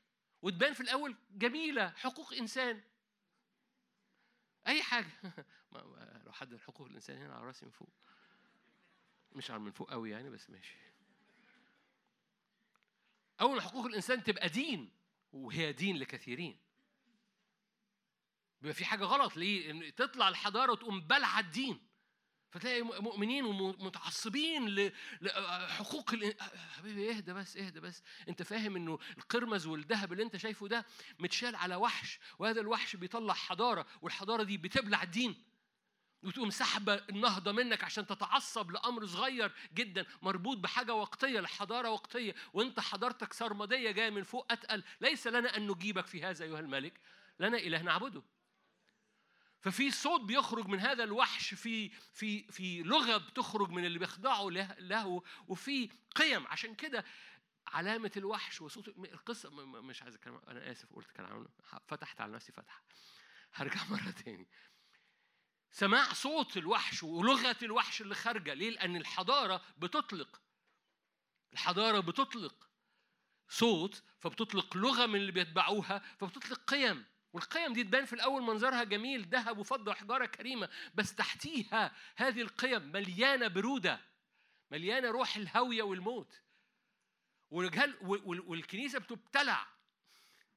لو لو ما لو ما أدركتش إنه إن الموجة دي شغالة شغالة شغالة وعلى رأي أخونا إيلون ماسك النبي الجديد اللي في في العالم إنه الحضارة اللي جاية أصعب لأن الحضارة دي بتنهار واللي جاي تراه هيطلع يقول لك أنا منقذ العالم. بس على رأسها الأثيم. سر المرأة والوحش الحامل لها الذي له سبعة رؤوس. أوكي يقول لك الوحش آية 8 الوحش الذي رأيت كان وليس الآن هو عتيد أن يصعد من الهاوية ويمضي إلى الهلاك. okay. هنط معاك لرؤية 18 أنتوا كويسين؟ okay. رؤية 18 كلكم عارفين الآية دي. هي بتتاجر في كل حاجة. يبكي تجار الأرض آية 11 ينوحون عليها لأن بضائعهم لا يشتريها أحد فيما بعد. ذهب وفضة وحجر كريم ولؤلؤ بذ أرجوهان حرير قرمز. كل عود ثيني كل إلاء من العاج كل إناء من أثمن الخشب والنحاس والحديد والمرمر. قرفة بخور طيب everything من كل أغنى حاجة لغاية القرفة. ارفع بخور طيب لبانا خمرا وزيتا وسميد وحنطة وبهائم وغنم وخيل ومركبات وأجساد ونفوس الناس. الليستة قبيحة الليستة قبيحة لأنها لأنها حاطة أجساد ونفوس الناس آخر الليستة بعد القرفة. أنا مش بهرج ده مستوى التحقير ده مستوى الرخص. إن لسه بادية من ذهب وخلصانة بأجساد ونفوس الناس بعد اللبان والسميط والقمح. أجساد ونفوس الناس. عشان كده في خطورة لو أنت ما أدركتش إنه إن دي حضارة متشالة على الوحش اسمها بابل. عشان كده اسمها الحضارة البابلية. بس هي ظهرت كحضارة بابلية وكعادة العدو يقوم مغير وشه كل شوية مغير وشه كل شوية مغير فيطلع مادي وفارس يطلع حضارة فرعونية يطلع حضارة فينيقية يطلع حضارة مش عارف إيه تطلع حضارة العالم والحضارة الصناعية والحضارة التنويرية والحضارة اللي مش عارف إيه والحضارة التكنولوجية والح... لو أنت مش متابع في أسماء حضارات مكملة لغاية دلوقتي. ولو درست علم الاجتماع تكتشف تسلسل يعني كل واحد من علماء الاجتماع يعمل تسلسل معين للحضارات مكمل لغاية دلوقتي. ومتجمعين يعني في حد مجمعهم في خمس حضارات وإحنا قال لك في الحضارة الخامسه في الأغلب دي الحضارة الأخيرة. ده علم الحضارات أنا مش بفتح لك ده علم الحضارات. ناس تانية ماشية حضارات بقى ماشية من كذا لكذا لكذا لكذا بقى من سنة كذا لسنة كذا لسنة كذا لسنة كذا. فإحنا في حضارة معينة. بس الحضارة دي بت بت بيثبت تحللها anyway من كل جهة من كل حاجة. إن كان في من من من مش هحكي معاك جرايد. بس الحضارة اللي جاية أشرس. لأن الحضارة اللي جاية هتقول أنا منقذ انهيار الحضارة دي لأن كل حضارة بتبلع الحضارة السابقة فالحضارة اللي إحنا فيها بتنهار الحضارة اللي جاية أشرس. عشان كده جاء الوقت إن الرب يطلق الادراك كده إحنا وإحنا بن- بن- بنلعب دين يتبلع في الحضارة اللي جاية ولا ولا بنقف في مكان مختلف. ليس لنا أن نجيبك في هذا لأن لنا إله. وإحنا أبناء حضارة. ليه؟ في في نهر معدي جوانا اسمه حكمة وإعلان بيقودنا في صوت فبيخرج مننا لغة فبيخرج مننا أحكام وهذه الأحكام لما بنقف قدامها بنعرف نحكم. النهارده بالليل حكيك حكي لك زي ما ما آدم فقد أدميته. بقى, بقى طبيعي. لما لما سقط الصورة الأصلية لآدم استردت لينا في آدم الأخير يسوع المسيح كان الصورة الأصلية كانت عدن وجاء جاء الوقت إدراك إن إحنا ندرك إن في استراتيجية في حضارة اسمها عدن زي ما بنرجع لآدم من آدم الأخير بنرجع لعدن لأن افتداء الرب بيرجع الكنيسة لمكان السلطان بتاعها زي ما رجعها لآدم في آدم الأخير بيرجعها لعدن عشان تحكم في الأرض. دي حضارة اسمها عدن. دي الحضارة بتاعتك هي حضارة سرمدية هتشوف حك... يا نادر ما تتكلمش عنها دلوقتي.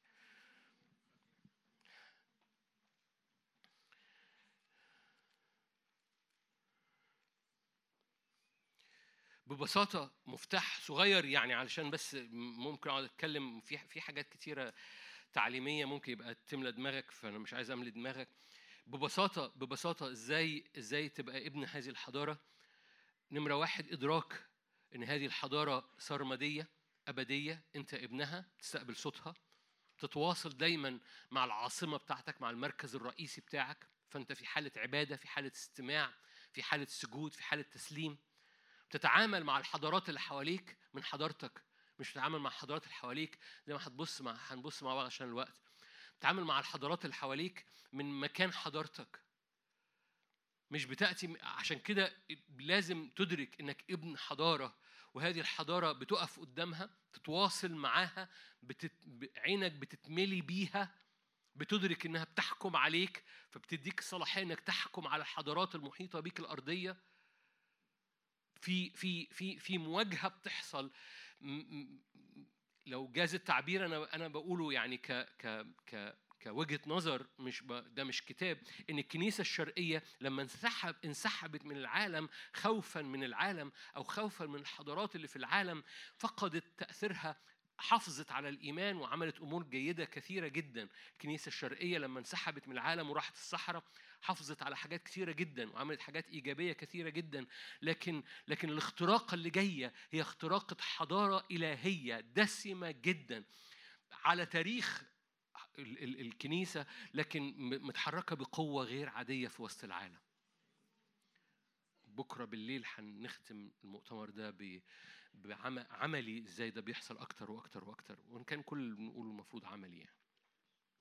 فإدراك إنك ابن حضارة بتقف قدامها بتتواصل زي ما دانيال بيتواصل مع المركز الرئيسي مع الأحكام الإلهية فبتطلع هذه اللغة تتعامل مع الحضارات المحيطة بيك من خلال هذا المكان زي الثلاث فتية معجب جدا بثلاث فتية معجب جدا بردهم.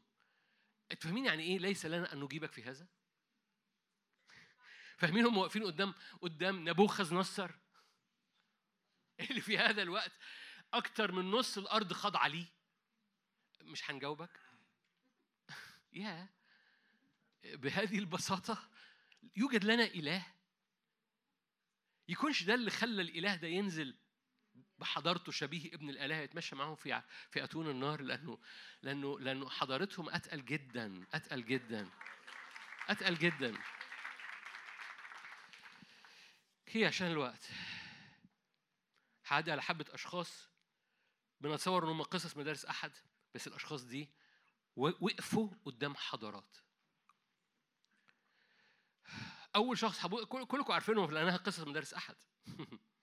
بس أنا حور... يعني محتاج ترى الصورة كما هي في كتاب مقدس مش مخففة. أول واحد يوسف. أنتوا كويسين. الحضارة المصرية في ذلك الوقت ما كانتش حضارة خفيفة متشالة على الحضارة الفرعونية عشان بس ما تلخبطش ما بين مصر والفراعنه أو مصر الحالية يعني. لأن مصر كتاب مقدس رمز للعالم والعالم أنت عارف رئيس هذا العالم إبليس. الح- الحضارة ال- ال- المصرية هي الحضارة الفرعونية متشال على الوحش. مش محتاج أقول لك محتاج أقول لحد هنا إن الحضارة الفرعونية متشال على الوحش. أوكي. اطمن يعني. لو محتاج أقولها لك أخدك على جنب بعد كده ونحكي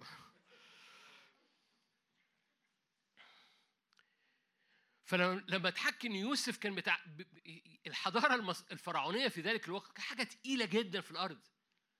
بمعنى إيه؟ بمعنى عارفين يمكن احكي عنها بكرة صميل والأنبياء لما كانوا في نيوت الراما فكان عارفين نيوت الراما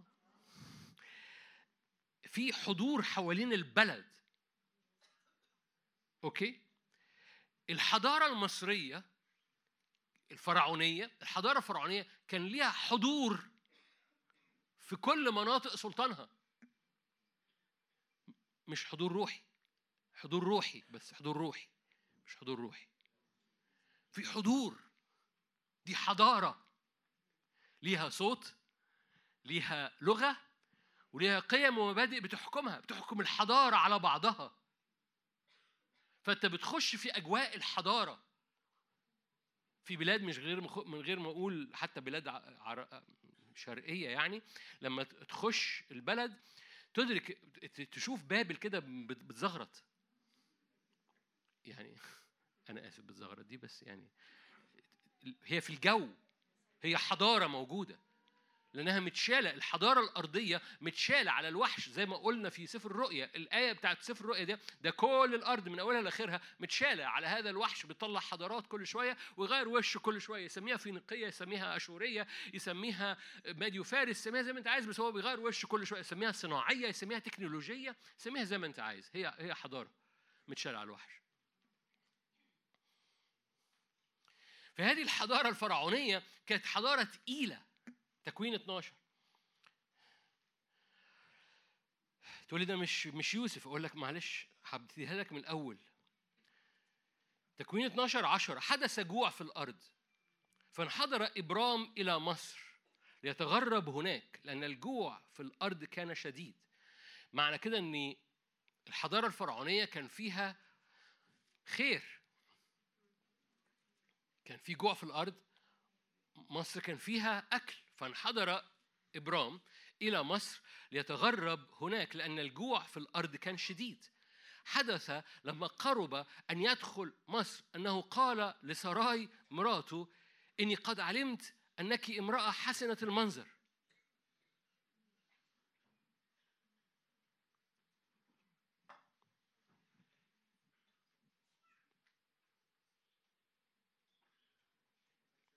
ما خدتوش بالكم.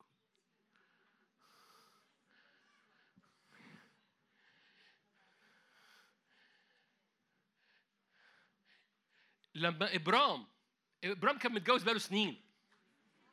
كان متجوز بقاله سنين.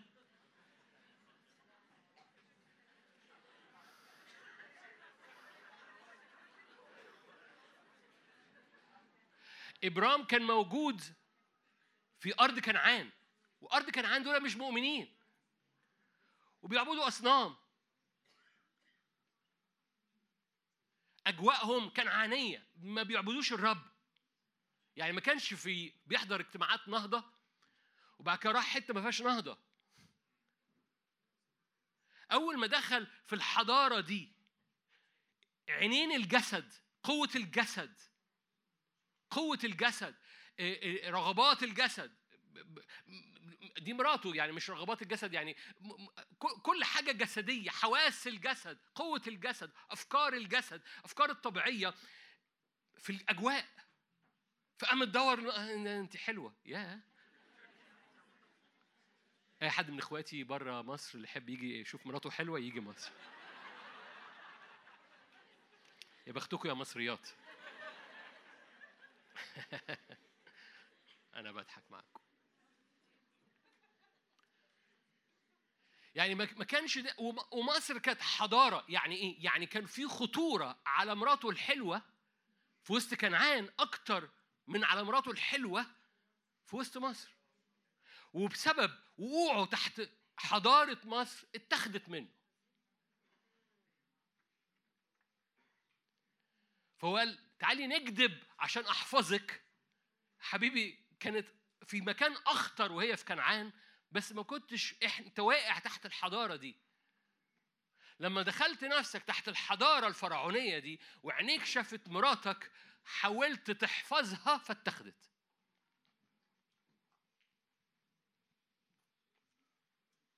يا رب تنور.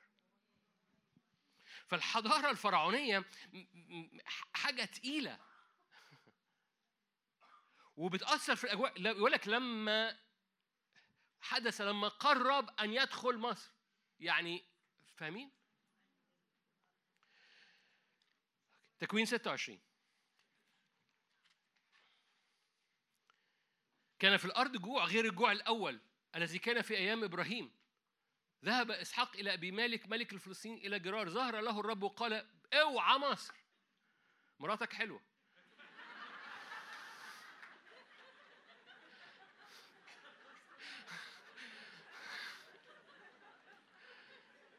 مش مكتوبة؟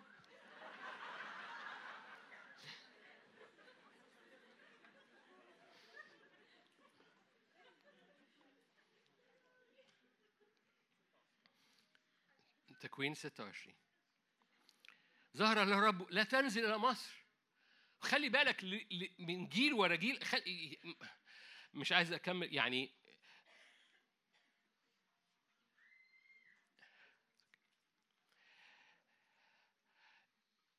في بعض الأحيان بيبقى في حاجات متوارثة يعني يعني مش موضوعنا كده هنخش كورس جواز مش موضوعنا دلوقتي.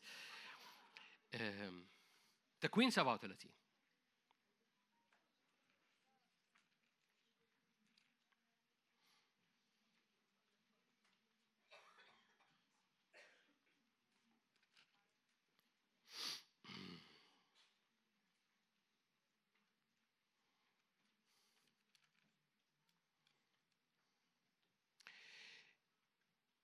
تكوين 37 يوسف؟ كلكم عارفين مش مش حاجة قصة يوسف لأن قصه مدارس أحد. يوسف وقف قدام فرعون. يعني يوسف في مصر اتعرضت عليه مرات فوتيفار. يوسف إبراهيم لو جاز التعبير اتأثر بأجواء الحضارة الفرعونية وبص لمراته بطريقة أنت حسنة المنظر. حصل تحذير لإسحاق ما تنزلش مصر. يوسف كان في مصر بكل أجواءها واتعرضت عليه مرات فوتيفار هتفهم حاجة؟ ولأن يوسف اتعرض هقترح عليك اقتراح. لأن يوسف ده مش اقتراح يعني حس إنه إنه يوسف ما كانش شايف مرات فوتيفار. يوسف كان لسه شايف الحلم. فاكرين إخواته قالوا عليه صاحب الأحلام؟ ده ده الحلم إنه كل حاجة تانية بتنحني ليه أو بتنحني لحضور ربنا بلغة روحية. ده صاحب الأحلام. ويوسف طول الوقت هو مالي عينيه بمشهد مليان كرامة مليان حضارة لو جاز التعبير. أنا أنا مش مش تقولي إحنا أنت بتزود عليها كلمة حضارة. أو- أوكي عديها عديها. يوسف موجود جوه حضارة فرعونية ما انحناش تحتيها. إبراهيم اتأثر بيها إسحاق قال له تكر منها. يوسف كان موجود فيها غصب عنه لأنه اتباع. بس لما اتعرضت عليه مرات فوتيفار كان جواه كان جواه غلبة وقفته قدام فرعون نفسه. ولما وقف قدام فرعون هو شايف الحلم هو صاحب أحلام هو هو المشهد اللي مالي عينيه حلم ربنا للي جاي. عشان كده طول الوقت بيحصل إيه تحت رجليه هو مش شايفه. وده مفتاح لابناء الحضارات. لأن الحضارة هي فوق اللي بيحصل دلوقتي. الحضارة هي فوق. فوق أنا أنا متباع أنا مظلوم أنا منسي. اتنسى من الساقي والخباز اتباع من إخواته اتظلم من إخواته اتظلم من أبوه وأمه. أنا مظلوم أنا متباع أنا منسي. هو مش شايف ولا حاجة من الحاجات دي. أنا في السجن أنا أنا أنا مش منسي. أنا مش شايف ده. أنا مش شايف قضبان السجن أنا شايف الحلم أنا صاحب أحلام. أبناء الحضارة هم شايفين الحضارة بتاعتهم. ده اللي إبراهيم خرج وراها إلى مدينة صانعها وبارئها هو الرب. نظروها صدقوها حيوها وهم لم يكن لهم فرصة للرجوع. كانش عندهم option ليه؟ لأن المشهد هو مشهد واحد. هم أصحاب حلم إلهي. تقيل جدا. بي- بيبنيه على الأرض. هنحكي مع بعض عدن كانت فين. بيبنيه على الأرض. وقف نفسك يا نادر. عن عدن بيبنيه على الأرض. في حاجة في حاجة قوية. الرب يبنيها جوه كل يوسف فينا عشان يقف قدام الحضارة مش تحتيها. قالوا جعلتك ابا لفرعون. جعلتك ابا لفرعون. فهو مش تحت الحضارة الفرعونية. ابا. هنا عشان خروج ثلاثة فأول واحد يوسف والحضارة الفرعونية والحضارة الفرعونية اللي أثرت على إبراهيم اتحذر منها إسحاق بس يوسف كان عبد فيها واتعرض عليه لكن اخترق من أجواءها. خروج ثلاثة كلكم عارفين القصة خروج ثلاثة هو موسى. كلكم عارفين قصة موسى ومدارس الأحد. موسى وقف قدام الحضارة الفرعونية. بس موسى مش وقف قدام الحضارة الفرعونية وبقى أبا ليها بقى إلها ليها. أجعلك إلها. ليه؟ لأنه هيتعامل مع آلهة. ده هيقف قدام آلهة الحضارة الفرعونية. أنتوا فاهمين الهيلمان اللي كان بيحصل؟ عشان كده إبراهيم كان بيحاول يدور على أي عذر ما اروحش رجلي بتزك. عندي برد النهارده. المدام بتتوحم أي حاجة. ده ده السيناريو اللي كان بيطلع أعذار عشان بس ما يروح. أنت بعد 40 سنة بعد ما بقيت عجوز وبتهته هتوقفني قدام الحضارة وأقول له اطلق شعبك ليعبدني؟ أنتوا فاهمين كان بيدخل قدام قصر ملوكي ذهبي هيلماني عليه واحد على عرش معاه العصا مش محتاجين افرجكم فيلم فرعوني يعني. ويخش في كل ال- ال- المعبد الفرعوني اللي مليان آلهة يعني آلهة بجد مش آلهة بجد يعني آلهة شياطين بجد. شياطين بجد آلهة الأمم شياطين. شياطين بجد سحرة بجد عرافة بجد. بجد. ويخش بهدوم راعي وبعصاية ويخش قدام هذه الحضارة كلها واقف قدامها.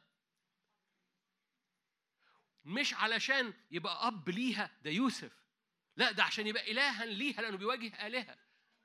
فيوسف كان أب لأنه جاي بحلم. موسى كان كان إله لأنه جاي قدام آلهة. يصنع قضاء. عشر ضربات. بس القصة ده ده ده ده مش انسحاب من الحضارات ومع احترامي للكنيسة الشرقية هو انسحاب من الحضارة. نو ده ده ده أشخاص بيقفوا قدام الحضارة. فده داخل قدام الحضارة كلها. ليه؟ هو جاي من حضارة أخرى. وخليني أضيف كلمة حضارة. هي حضارة العليقة. هو المكان اللي وقف فيه. هي حضارة نارية جدا في العليقة بتقدس الأرض. هي حضارة نارية بتسجد قدامها.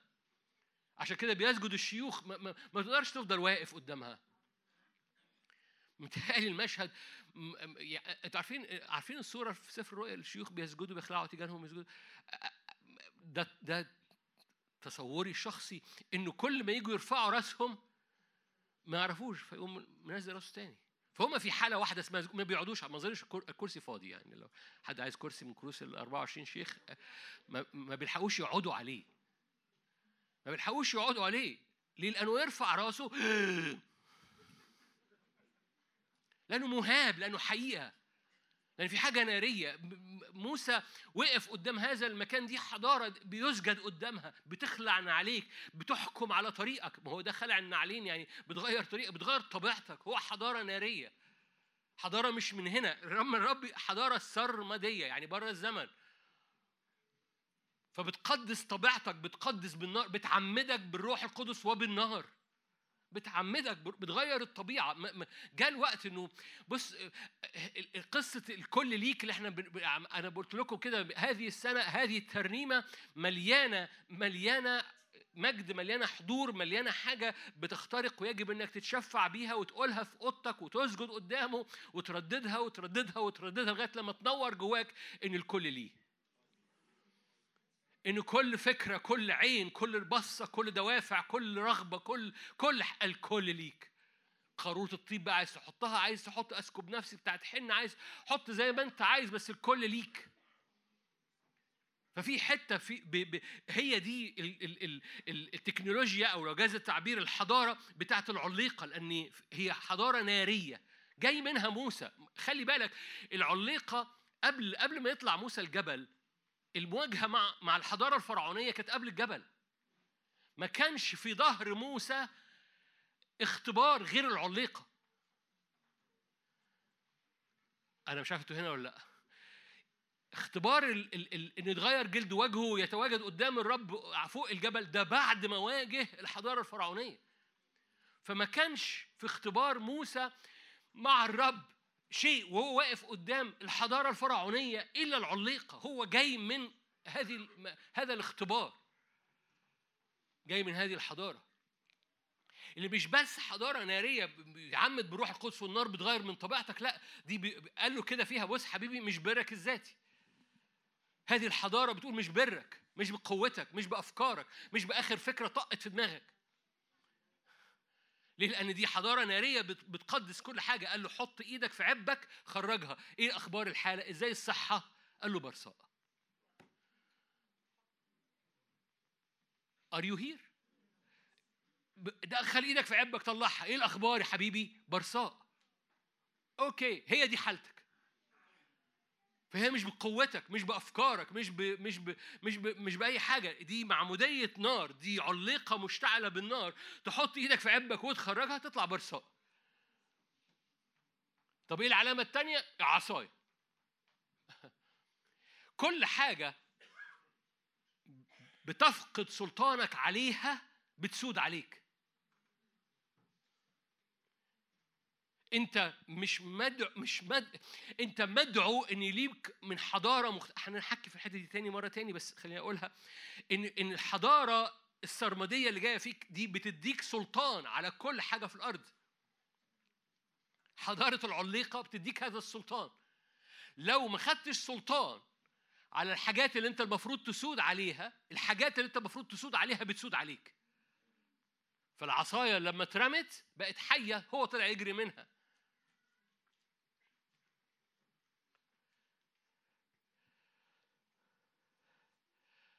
انت انت مدعو انك تتعامل مع الحضارة الأرضية بسيادة عليها لأن أي حتة انت مش بتسود عليها في الحضارة الأرضية بتسود عليك. هو ده إعلان العليقة. لما هتتعامل مع الحضارة الفرعونية يا إما تسود على كل حاجة وعلى الأجواء من خلال دم يسوع مش بقوتك. بص حبيبي إيه أخبار الصحة؟ برصاء بس في عصاية سود. هترميها هتجري. في عصايه سود. سود على تليفونك سود على دماغك سود على أفكارك سود على ردود فعلك سود. اعلن سيادة الرب اعلن الأحكام اللي أنت من الحضارة اللي أنت جاي منها. في سيادة جاية بالصوت الصوت له سيادة. ولما تسمع صوت الرب ولما تقرأ آية يتعامل معها كحكم بيسود عليك فبيكون لك سلطان مرتب تحت سلطان فلك سلطان. مش مش هنحكي حكي عن السلطان الإلهي دلوقتي. بس بس ده مكانه. أي حاجة في في الكالتشر في في المجتمع في الحضارة المحيطة بيك أنت مدعو إنك تسود عليها. هترميها من إيدك هتجري منها. هتمسكها في إيدك هتنتصر عليها. هو دي حضارة العليقة اللي خلت موسى أذكرك يقف قدام هذه الحضارة الفرعونية. ترك ورا ترك ورا ترك والعصاية تبلع حيات سحرة. مش محتاج أقول لكم القصة. فيقف قدام هذه الحضارة والحضارة دي تنهار تنهار تنهار تنهار والجيش كله يغرق. ده واقف قدام حضارة.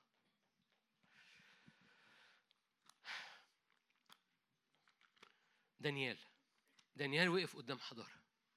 يوسف وقف قدام حضارة. كان أب ليها. موسى وقف قدام حضارة. كان إله ليها. دانيال عبر بأكثر من حضارة. هبص على حتتين صغيرين. مفتاح يوسف إنه كان صاحب حلم ما كانش محصور في اللي تحت رجليه. أنا مظلوم أنا أنا عبد أنا منسي. كان صاحب الحلم والحلم هو اللي خلاه ما ينحصرش تحت رجليه. لكن يرى بإيمان الحضارة بتاعته. موسى انتصر على الحضارة لأنه كان جاي من عليقة فكان واقف في النار ومدرك إنه مش بقوته لكن مدرك إن العصاية في إيده. دانيال كان عنده برضو مفتاح وهو واقف قدام حضارة بابل. دانيال اتنين. دانيال كان واقف قدام حضارة قوية جدا. دانيال شخصية عجيبة. دانيال وقف قدام ملوك مختلفين وممالك و و و و وحضارة مادي وفارس شرسة جدا. ودانيال نبي. لما طلب نبوخذ نصر قال كده للصحراء أو للحضارة بتاعته. أنا مش هقول لكم حلمي وتضحكوا عليا بحبة كلام. أنتوا قولوا لي أنا حلمت إيه. كان إجابة الحضارة. آية 11 دانيال 2 11 الإله الأمر الذي يطلبه الملك عسر. دانيال 2 11 الأمر الذي يطلبه الملك عسر. ليس آخر يبينه قدام الملك. غير الآلهة الذين ليست سكناهم مع البشر. لازم تيجي من حتة مش من هنا. الحتة اللي من هنا الحضارة اللي من هنا هتغلب في دي. حضارتنا كبابل الحضارة البابلية هتغلب في دي. لازم تيجي من حضارة سرمدية. لازم تيجي من حضارة سرمدية. ولازم نلاقي لنا واحد جواه روح excellent روح فاضلة. يقول كده كان جواه نيرك جواه حاجة منورة جواه حاجة مش من هنا. جواه روح فاضلة. فاضلة دي بالإنجليزي excellent أو روح معدية. هذه الروح المعدية هتجيب الحاجة اللي مش من هنا لأن الحضارة اللي من هنا مش هتجيب دي. هذا الأمر عسر. ليس آخر يبينه قدام الملك غير الآلهة الذين ليست سكناهم مع البشر.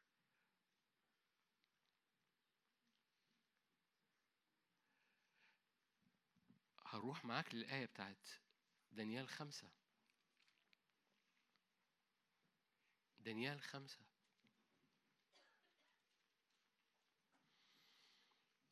يوجد في مملكتك دانيال خمسة 11 يوجد في مملكتك رجل في روح الآلهة القديسين.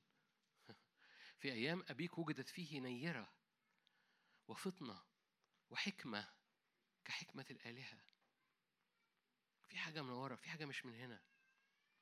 الحضارة ال- ال- ال- ال- البابلية شافتها. آية 14 ده بلشسر بيقول له كده.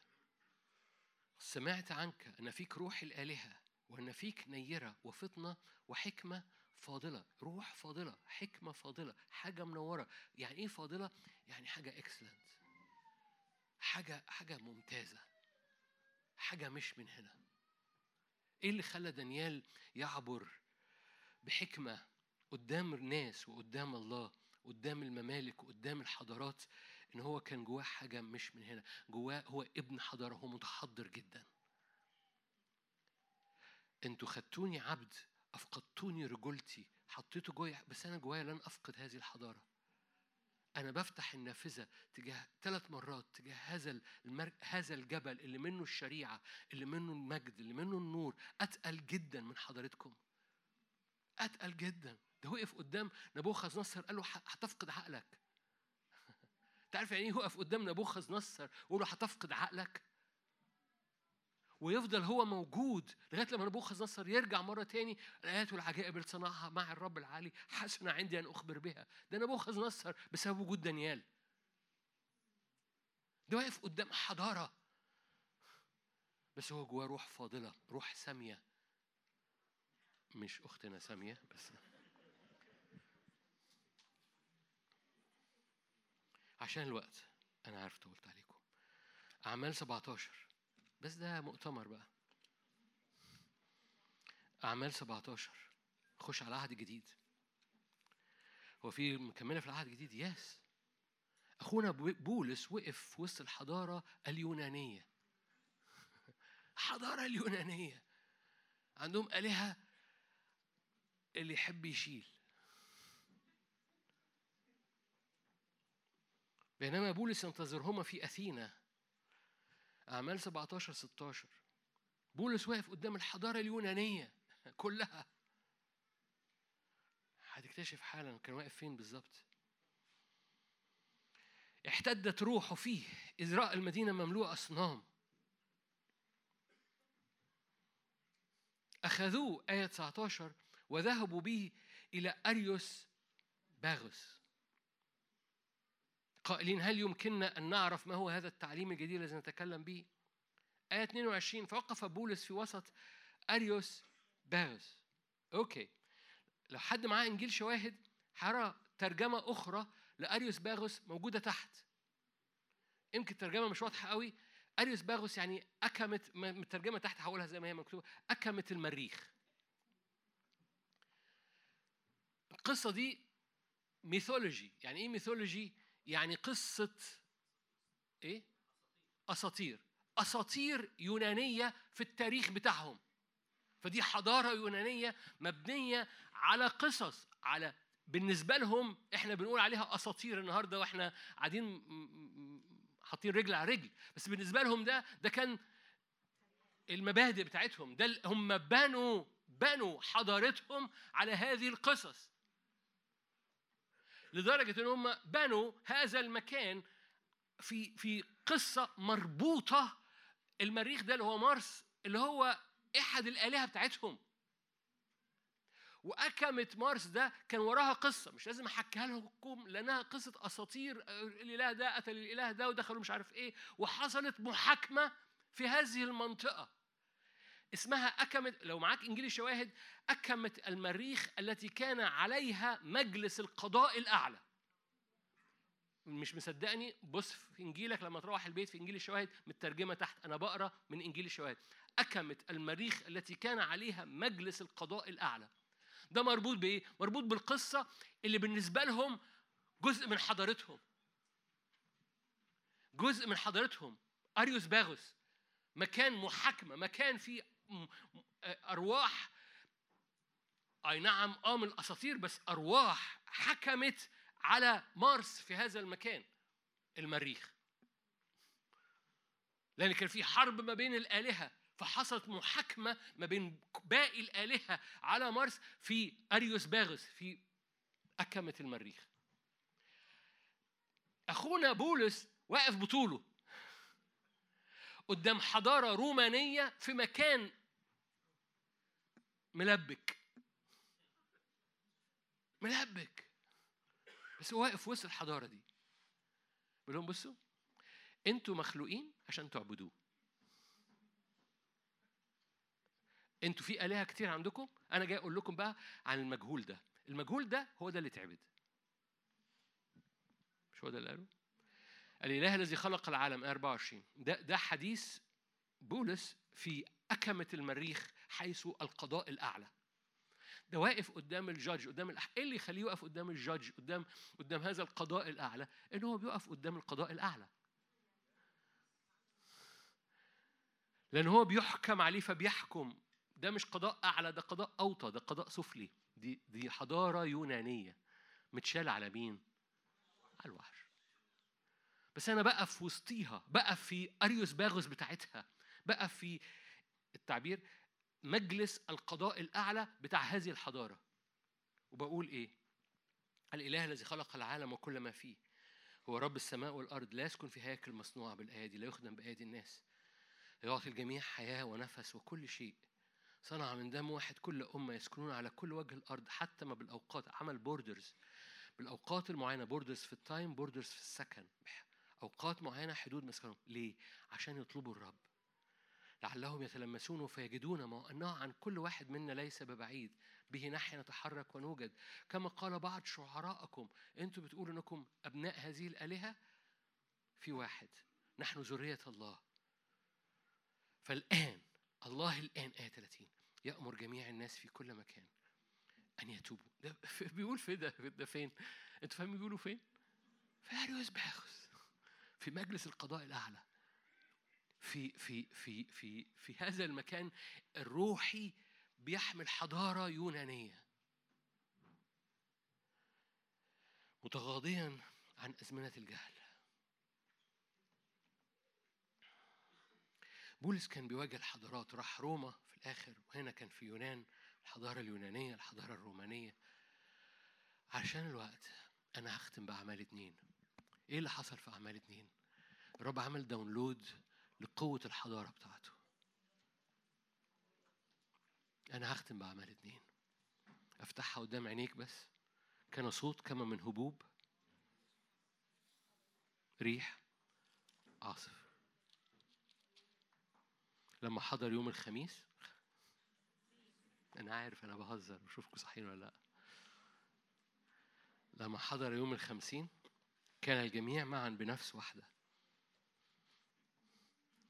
بصوا مرة أخرى جملة قلتها امبارح هكررها تاني النهاردة. العطش هو اللي بيوحدنا. لما المجد بيأتي بيدوب كل حاجة بس اللي بيوحدنا هو العطش. ما تستناش إن كل حاجة تخلص عشان تعطش. اعطش كل حاجة هتخلص لما المجد يجي. ما تديش عذر لنفسك لأن بنحب نطلع شماعات أو جسدنا يحب يطلع شماعات. آه مش هينفع تطلب المجد لغاية لما مش عارف إيه. آه لو عندك لأخوك حق اذهب واصطلح معاه أو لأخوك عليك حق. لكن اعطش لأن لما المجد بيجي بيصلح كل حاجة. لما حضر يوم الخمسين كان جميع معا بنفس واحدة. صار بغتة من السماء صوت كما من هبوب ريح عاصف. ده ريح نار. ملأ كل البيت حيث كانوا جالسين. تقولي ليه ريح نار؟ لأنه استقرت ألسنة نار على كل واحد فيهم.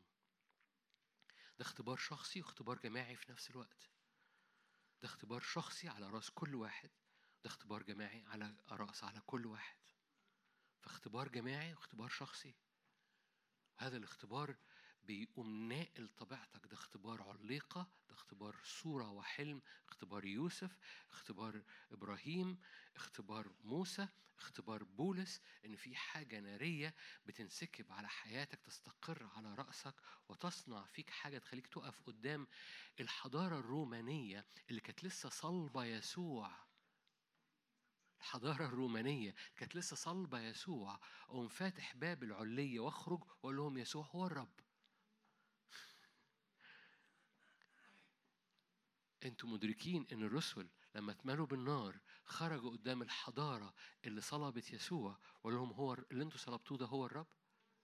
دي وعظة بولس بطرس أنا آسف دي وعظة بطرس اللي أنتوا صلبتوه ده هو الرب. طب نصلبك انت كمان. بس في حضارة نزلت من فوق في حضارة نارية. عشان كده لما بطرس وقف في الوعظة قال بصوا دي النبوة إن في آخر الأيام كنت بحكي عنها الأربعة. في آخر الأيام أسكب روح على كل بني البشر. كل ما الأيام بتعدي في آخر الأيام في المواجهة الأخيرة أنا بطلع بعمل داونلود لحضارة نارية عشان تقف قدام الحضارات اللي موجودة في الأرض. مش بقوتها مش بقدرتها. الحالة إيه؟ أبرص بس خلي بالك دخلها مرة تاني. في بر بيغطيك. في بر بيغطيك بس في عصا ما تسيبهاش من إيدك. في نار بتستقر عليك. ما ما ما تخليهاش ما تخليش العالم يبلعها ويقوم ساحبها للبرودة مرة تاني. شافطها للمعتاد شافطها للعادي. تتبع الرب في صوته في كل حاجة. اتعلق وصل الفيشة في الكبس مع مع الحضارة بتاعتك. تعلق بالصوت وتعلق بال- بالقيم والأحكام الإلهية. خليها تحكم عليك. وخلي اللي خارج من هذه الحضارة يغير لغتك ويغير وقفتك ويغير تصوراتك ويغير خيالك ويغير إنتاجك ويغير شغلك. أنت بتروح شغلك بتشتغل في بنك ولا بتشتغل في مكتب ولا بتشتغل في مصنع ولا بتشتغل في في في في محل شخصي أو حاجة شخصية أنت داخل تحت سقفه ولا داخل من حضارتك؟ داخل من فين؟ تعامل مع ال... والحضارة دي مش بتخليك متسلط على ال... تتكبر عليهم. no no no ده حضارة شرفاء نبلاء. حضارة حضارة ناس ناس بيتبص عليهم. ده ده في نيرة ده في روح فاضلة. excellent excellent في شغله. excellent عارف فاهمين excellent دي؟ متهيألي إنها كلمة مشهورة. هذه المعمودية نارية هذه المعمودية بره الزمن سرمدية.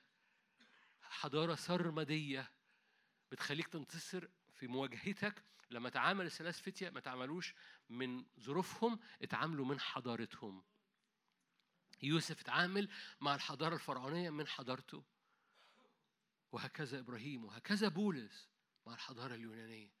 تعامل مع مع العالم من حضارتك. فتواصل معاه. ده مش فكرة جميلة. ده ده ده هو ده التكنولوجيا بتاعت دانيال. إنه كيف تنتصر في الحضارات اللي تفتح يخرج كده من البحر ويقوم وحش ويقوم ساحب يقوم واخد تحت. ويدخل البرودة مرة تاني ويدخل العادي مرة تاني ويقوم ساحب مرة تاني. في حضارة نارية تحرق هذه البرودة. في ريح عاصف ناري أمين. خلينا نغمض عينينا ونصلي.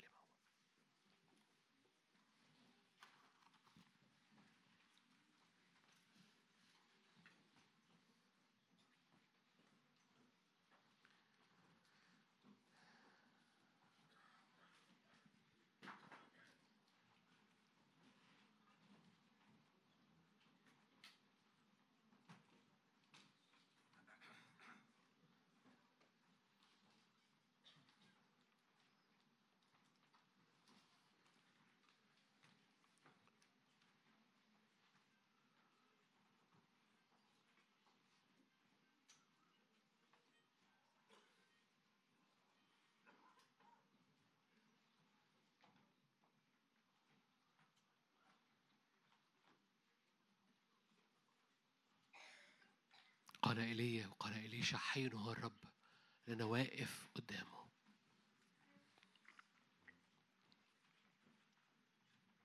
هللويا. يوجد لنا إله نعبده. لا يمكن أن نسجد لشيء آخر. يوجد لنا إله نعبده. لا يكون لك أيها الملك نبوخذ نصر هذا الأمر. يوجد لنا إله نعبده. أنا بعتذر يا مرات فوتيفار. يوجد لنا إله نعبده. لن أتنجس بأطايب الملك. يوجد لنا إله نعبده. لو حضارة ومملكة تحكم على حياتي على كلامي. يوجد لنا إله بنعبده.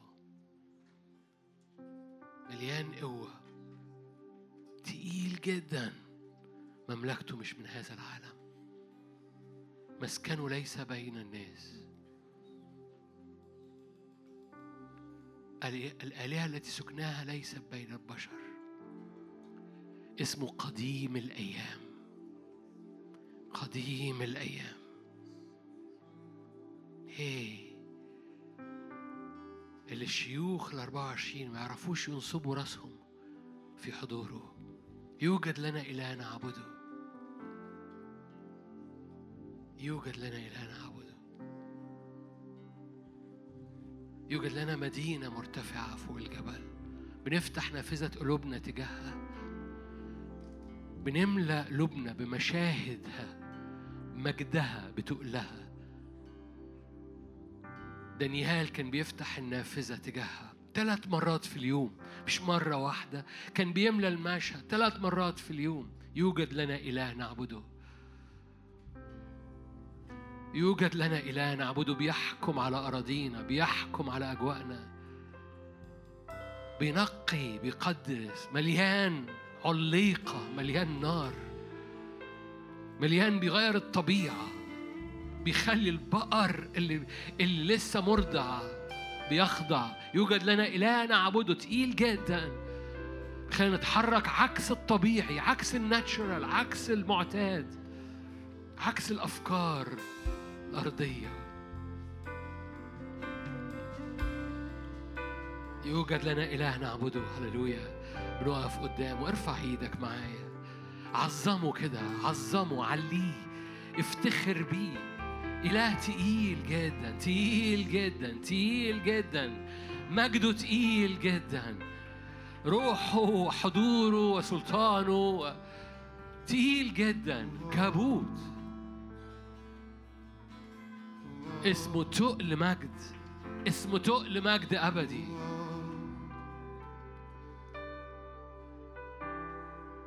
هللويا. إله كل مجد. أبو المجد. هللويا.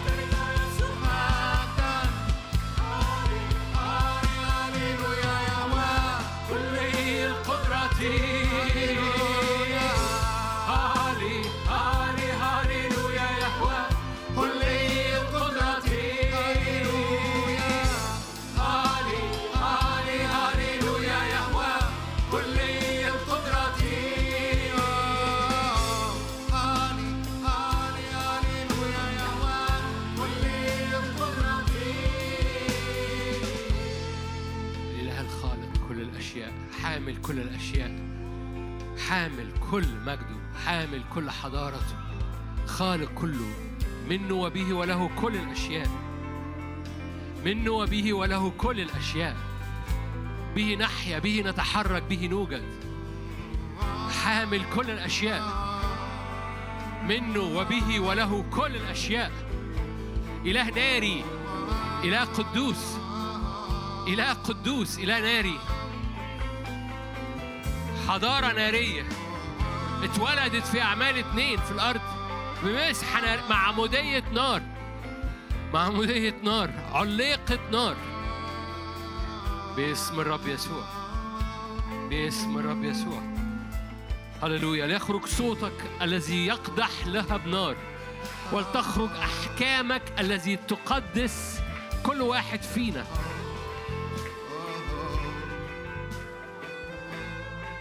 ارفع إيدك معايا. هللويا. صوت الرب وأحكام الرب لما بتملأ أراضينا بتغير لغتنا وبتغير سلطاننا. أحكامه لما بتحكم علينا بتغير سلطان اللي خارج منك. لما صوته بيملى حياتك بيغير اللغة اللي خارجة منك. واقفين قدام هذه النار صوت الرب يقدح له بنار صوت الرب لحياتك فقول له يا رب أنا أنا أنا لن أعيش إلا بكل كلمة خارجة من فمك. لن أعيش إلا بالصوت بالإعلان بالنهر اللي هو روح الحكمة والإعلان اللي بيعبر في وسط الحضارة بتاعتك. لن أعيش إلا بكل كلمة خارجة من فمك. لو سمعت لصوتي يقول الرب كان كنهر سلامك لأن صوتي هو نهر السلام في الحضارة بتاعتي.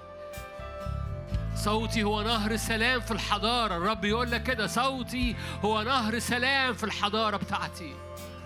لو سمعت لصوتي كان كنهر سلامك باسم الرب يسوع. صوت الرب يقدح له بنار أحكام الرب تقدس أرضك. نعيش بحسب شرايعك أحكامك تحكم فينا. أحكامك تحكم على أذهاننا على صحتنا على قلوبنا على اقتصادنا على دوافعنا على كلماتنا على مشاعرنا على قوة الجسد فينا. أحكامك تحكم علينا. قول له كده أحكامك تحكم عليا. أنا أقف أمام أحكامك. أحببت شريعتك. لذلك تعقلت أكثر من كل معلمية لأني أحببت شريعتك. سرعة نقلات. بسبب أحكام الرب على حياتك كل ما تخضع الطاعة تطلق سرعتك. طاعتك لأحكام الرب تطلق سرعة ترقيات الرب في حياتك. هللويا. الطاعة تطلق الطاعة تطلق ترقياتك وسرعتك. باسم الرب يسوع. قول يا رب أحكامك تحكم على أفكاري على قلبي على دوافعي. أنا بطلب أحكامك. هللويا. على ذهني. هللويا. على مشاعري على ردود فعلي على البلانز اللي جوايا على خططي. في قلب الرجل أفكار كثيرة. أما من قبل الرب بأحكام الرب تتثبت خطوات الإنسان. إيه. بنقبل أحكامك في أراضينا بنقبل أحكامك في أراضينا. لو حكمنا على أنفسنا لما حكم علينا. هللويا. بنقبل أحكامك.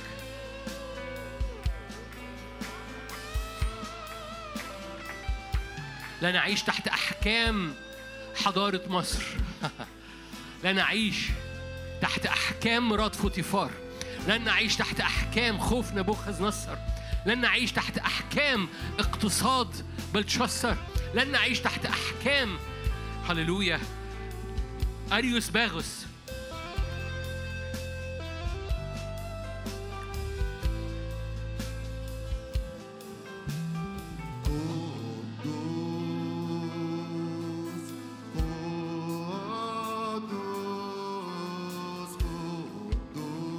أبناء حضارة. أبناء حضارة نارية.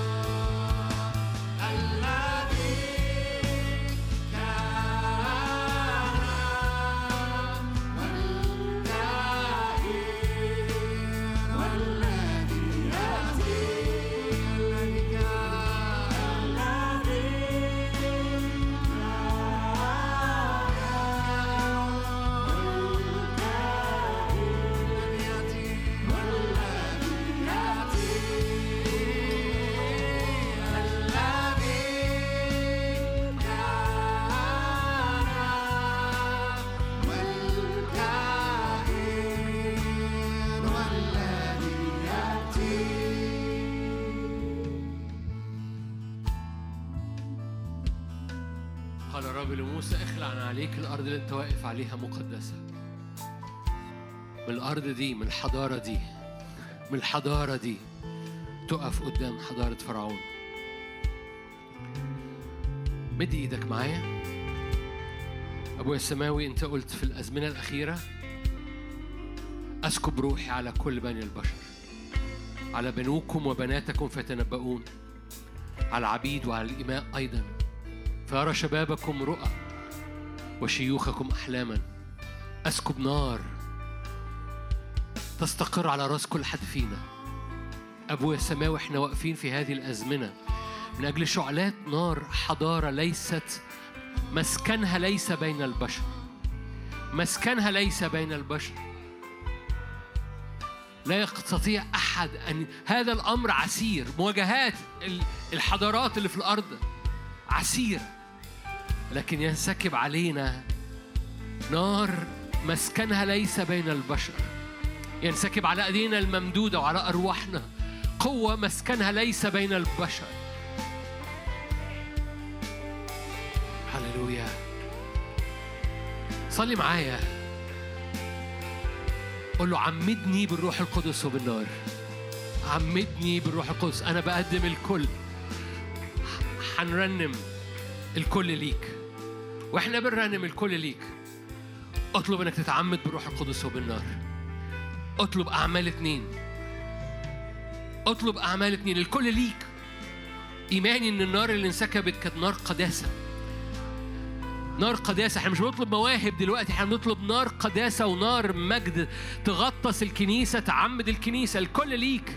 كل ما تقوله كل ما بديك المساحة جوايا بديك المساحة في قلبي الكل ليك. بيملى هذا المكان بنار لأن بعدم الحطب تنطفئ النار. لو طلعت الحطب من من جواك هو بيسكب نار. عشان يشعل الحطب ده ويصنع فيك الذي لم يصنع من قبل يخلي البقر تطيعه. يخلي البقر تطيعه. كل قوة جسدية تطيعه. الكل ليك الكل ليك. هللويا. فتعالى بنارك علينا. تعالى بنارك عمتنا غطسنا. هللويا. حضارة العليقة. حضارة أعمال اتنين. الكل ليك.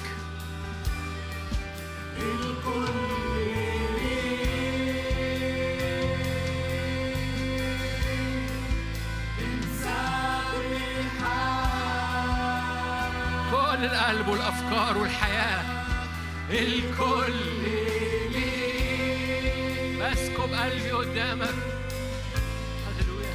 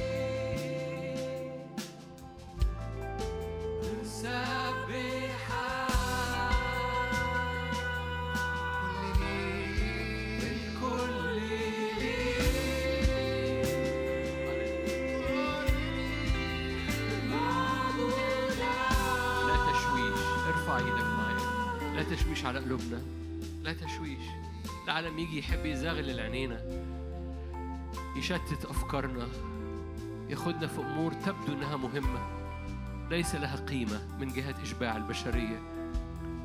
ياخدنا نلعب في حاجات ملهاش قيمة قدام تقل المجد وتقل الحضارة وتقل الحضور تقل الوقفة تقل المجد تقل السجود. فصلي معايا لا تشتيت يا رب.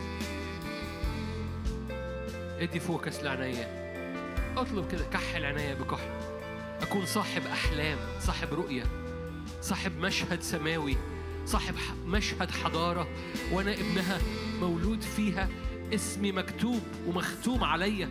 مني ابن هذه الحضارة حضارة سماوية حضارة حضارة مجيدة حضارة شرفاء حضارة أبطال حضارة كهنوت ملوكي حضارة نبلاء. يأتي شرفاء من أرض مصر. اختم على قلبي اختم على عينيا فلا أرى إلا وجهك. اختم على ذهني فتثبت أفكاري فيك. اختم على قلبي فلا تشتيت. احضني ب ب ب احضني ب بستائر برداء ناري. فاستخبى في الرداء الناري. عب اعمل عباية نارية. حطني تحتيها. اعمل عباءة نارية. حطني تحتيها. خلي النار تغلفني. هي دي معمودية الروح القدس والنار إنه أتغطى بعباية. صلي كده قول له يا رب عايز عباية نار. عايز عباية نارية تخبي كل حاجة فيا. من فوقي من دماغي الرجلية لطريقي لطرقي هللويا. اغسل بالدم وبالمسحة. وداني فأسمع. إيديا فأفعل. رجلي فطرقي. اغسل بالدم وبالمسحة. الدم زي الكهنة في العهد القديم. باسم الرب يسوع غطيني بعباية نارية فأفكاري وطرقي ومشاعري أفعالي مليانة من هذه النار وهذه العباية نارية يتحير فيها ممالك العالم تتحير فيها حضارات الأرض في اسم الرب يسوع. يقف أمامها. هللويا. باسم الرب يسوع. يا يا روح معونا يا روح الله. لأي أشخاص هنا مازال في تعب في نفسياتهم أو في قلوبهم باسم الرب يسوع. صدق معايا عباية النار دي بتصنع معجزة جواك. عباية النار دي بتحسم لأنها تقيلة جدا أتقل من أمراض. عباية النار تقيلة جدا أتقل من اكتئابات. عباية النار تقيلة جدا أتقل من كل خصام وكل مرارة مررت المية اللي جواك. عباية النار تقيلة جدا أتقل جدا. خلت البقر يمشي عكس اللي هو عايزه. خلت البقر يتحرك بحسب المشيئة. عباية النار دي أتقل جدا. عباية النار دي أتقل جدا من كل اسم المرض واسم الخوف واسم التاريخ واسم الحاجات موروثة ولعنات موروثة. هللويا هللويا هللويا هللويا هللويا هللويا هللويا. أي لعنات في الارتباط موروثة. ما كنتش عايز أخش في الموضوع ده بس إبراهيم وإسحاق ويعقوب كان عندهم مشاكل في الارتباط كان عندهم بيختاروا بعينيهم بيميلوا دايما بيختاروا بنات جميلة. كان دايما بيحصل مشاكل في القصة دي. وجاي يوسف والأمر اختلف. وجاي يوسف واتعرض عليه مرات فوتيفار قال no. رب يفتدي اللعنات المتوارثة. رب يفتدي اللعنات المتوارثة. لأن تقل مجد الرب أتقل جدا من كل قوة جسدية وأمراض جسدية وأسماء أرضية. هللويا. أي حاجة أرضية هي من الآلهة اللي سكناها بين البشر. لكن في أمور عسرة. هللويا. لا يستطيع أن يفعلها غير الرب الذي سكناه ليس من بين البشر. دي الحضارة بتاعتك. أنت جاي من هناك. والنار دي جاية من هناك. والعباية دي جاية من هناك. فمرة كمان ارفع إيدك. خلي بالك قصة مش بقوتك إيه الحالة برصاء بس دخل إيدك مرة تاني وارفعها بالعصاية. ايا كان ما موجود في ممالك الأرض مملكة فرعونية مملكة يونانية مملكة بابلية ايا كان اسم المرض ايا كان اسم الاقتصاد ايا كان اسم المواجهة اللي بتمر بيها. داود قال له كده أنت تأتي لي بسيف ورمح أما أنا آتي إليك باسم رب الجنود يحبسك الرب في يدي. أنا آتي إليك باسم رب الجنود. أنا آتي إليك باسم رب الجنود. رددها. أنا آتي إليك باسم رب الجنود. أنا آتي لل- للقوة الأرضية دي باسم رب الجنود. أنا آتي إليك باسم رب الجنود. هللويا. أنا آتي إليك باسم رب الجنود. يحبسك الرب في يدي. إلها لفرعون أبا لفرعون. يحبسك الرب في يدي. مش حرمي العصاية. هللويا. أنا رافع إيدي في مواجهة ممالك العالم.